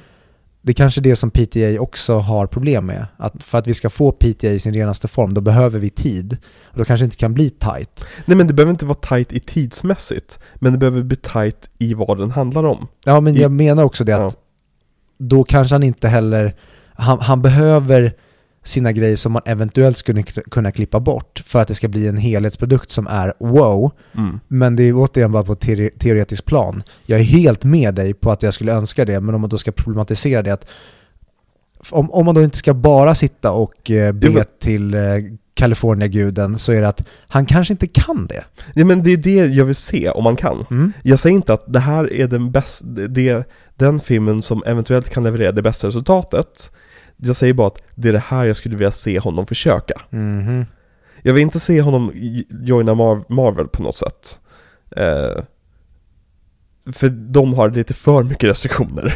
Mm. Eh, utan jag vill bara se, han skulle kunna komma på en egen superhjälte kanske. Om han vill liksom nyttja att, att det är populärt just nu. Liksom. Ja, Eller men, bara någonting, alltså jag, jag vill se honom vara lite mer Jag vill se honom testa att vara mainstream Om, om du fattar vad jag menar mm. 100%, jag är helt med dig. Mm. Och om man då kollar på vad han har avhandlat som de här brutna männen. Mm. Ja men vad fan, det är ju superhjältar perfekt. Ja, men gör någonting som är då en... Hancock är helt fel, men ta då en superhjälte som inte är en hjälte, han är en bruten hjälte. Eller Mm. gör då en antihjälte. mm. Nu önskar jag aldrig att den filmen någonsin blir gjord, men tänk typ om han skulle göra Joker 2. Alltså, Ja. eller om han om vi inte hade haft Joker, och han får göra Joker. Ja, men Jag tror att du pratade om i Punch Drunk Love avsnittet Tror jag att det var Att han hade skrivit ett manus om en assassin Som måste ta sig igenom liksom en gauntlet av massa fiender för att ta sig fram till sin älskade Mm. Perfekt! Mm. Gör den filmen! Absolut. Ge mig någonting med lite... Ge, ge mig något utanför din comfort zone här. Och jag tror att det kommer jag återkomma till med varje regissör vi pratar igenom. Jag vill ha någonting som inte är som deras vanliga, deras vanliga eh, låda. För att, liksom, för att se vad de kan göra. Mm. Ja, men jag, är- jag är helt med dig där. Risken är ju då, alltså som man går till artister, Mm. att man vill att artisten ska göra det man älskar hela tiden. Mm. Men samtidigt vill man att, men gör någonting utanför det du alltid gör som jag älskar. Men jag kan bara gå till en av mina favoritartister, eller kanske min favoritartist eller mitt favoritband, Arctic Monkeys. När de gick utanför sin comfort zone, då blev jag besviken. Att, Mm. men vad fan, men samtidigt, men vad fan, du vill ju inte att de ska upprepa samma gamla skåpmat Unnar hela de tiden. det här? Vad sa du? Unnar de det? Liksom. Ja men precis, och samtidigt är det som att, ja men då hade jag önskat att du kanske gjorde albumet Jag älskar 2.0 igen, men Mm. det hade jag inte velat med, alltså på förhand, då tar jag hellre det experimentella. Men när man har fått det så är man gnällig och otacksam ändå. Exakt. Men med det sagt, jag skriver så 100% under på Mastodont-projekt med, med eh, Tom Cruise i huvudrollen. Mm, Tame the Pussy the Movie. Ja, precis. Tame the cunt. Säger jag det? Ja. Tame the Cunt. Respect the cock. Tame the... Nej, eller... Jag är cunt. Jag för mig att det är cunt. Ah, skitsamma. Ja. Ja. Paul, ring Tom, lös det. Så, skulle du rekommendera Paul Thomas Anderson? Är han en bra, skåd, eh, bra, bra filmskapare? Nej, alltså jag rekommenderar ju mycket hellre Baz Luhrmann. Mm. Om du vill eh, bli självmordsbenägen. Ja. Men då har vi inte så jättemycket mer än att bara säga, berätta för er vad vi ska täcka som nästa miniserie.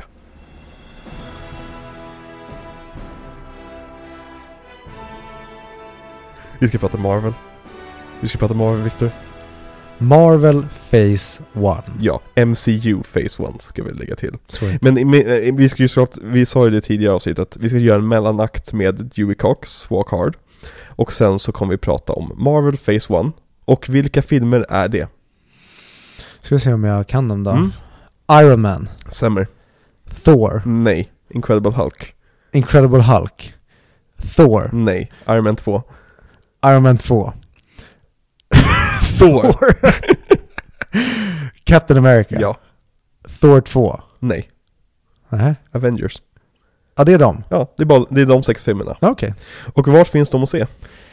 Hmm.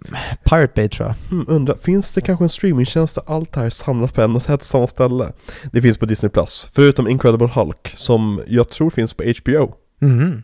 Ehm, för den är inte ägd av Disney, utan den är gjord av Universal. Åh fan. Mhm. Synd att det inte var Ang Lees The Hulk, för den är jag taggad på att se om.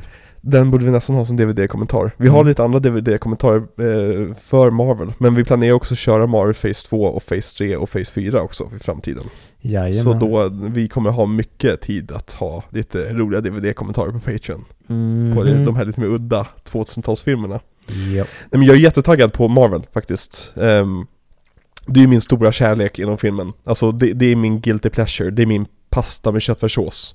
Så att säga. Det är, liksom, det är inte den fina rätten jag plockar fram på fredagar. Utan det är min vardagsrätt så att säga. Eh, och jag har ju varit Marvel-nörd sen så länge jag kan minnas egentligen. Eh, och jag har ju länge velat få med Victor på Marvel-tåget. Och han har ju varit väldigt skeptisk i många år.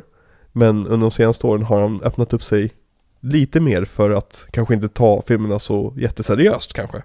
Jag har släppt in asiat där bak, men eh, ingen stor svart man. Va?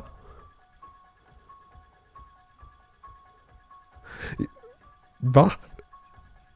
Jag öppnat upp mig lite grann, Okej. men inte mycket. Okej. Nej men det var ju väl efter, efter du såg Thor Ragnarok egentligen.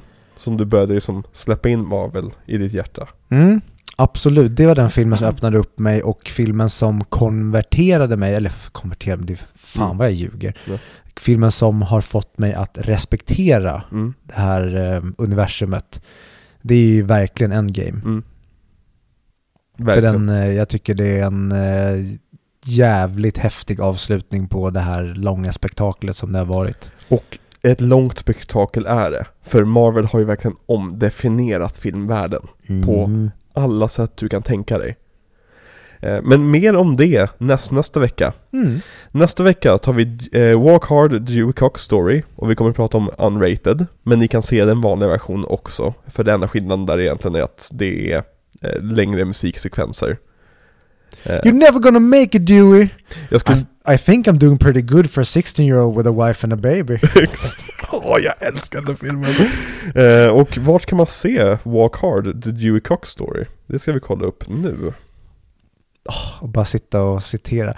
Big, big, big, big, big, Big Walk Hard finns eh, att hyra på iTunes. Det var ju deppigt för er. Ja, verkligen. Eh, man kan också hyra den på SF Anytime eller på Microsoft Store. Eh, eller så kan ni hitta den i random eh, DVD-back på Willys typ. Ja, eller i den berömda viken. Precis. Där ni då kan ta Unrated version. Vilket exakt. jag verkligen, verkligen vill rekommendera. Det är, inget, det är inte nödvändigt för att ni ska förstå nästa veckas avsnitt. För att som sagt skillnaden i plott är ingen alls.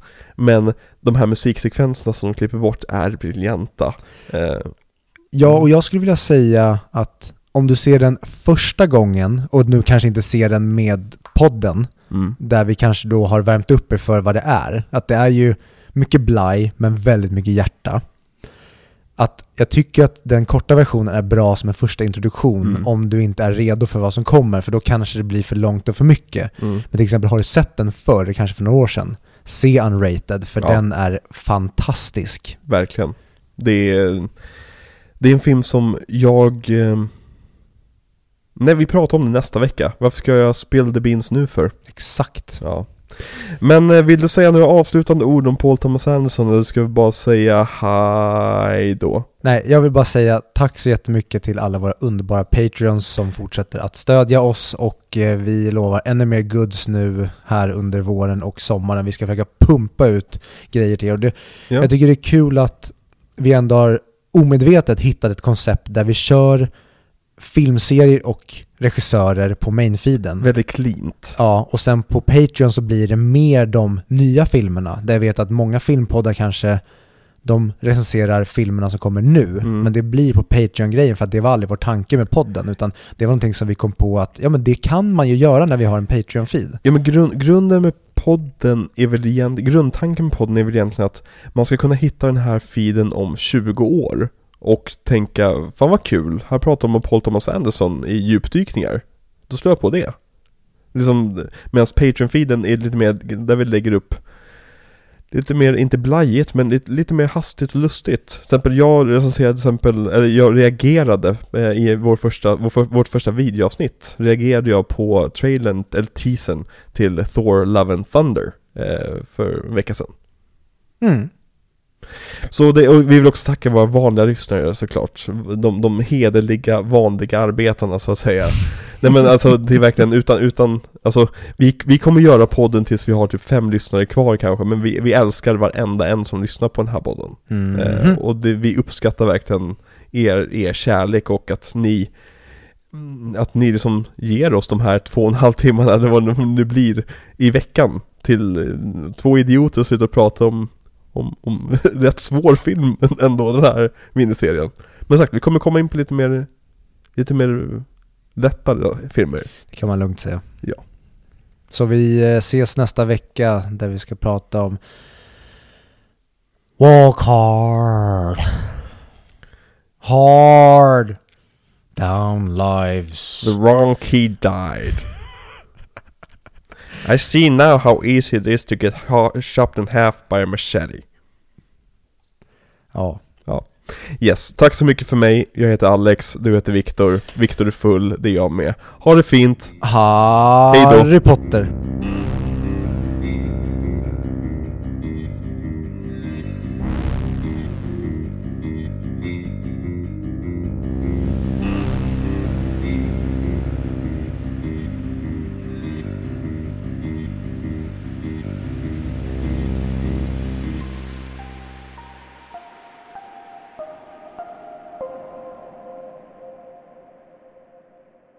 Jag har ju alltid haft sån jävla ångest över att jag är född sist på året. Så jag får alltid göra allting efter alla andra. Och sen så kommer du upp i 25 och bara, nej, I'm a baby.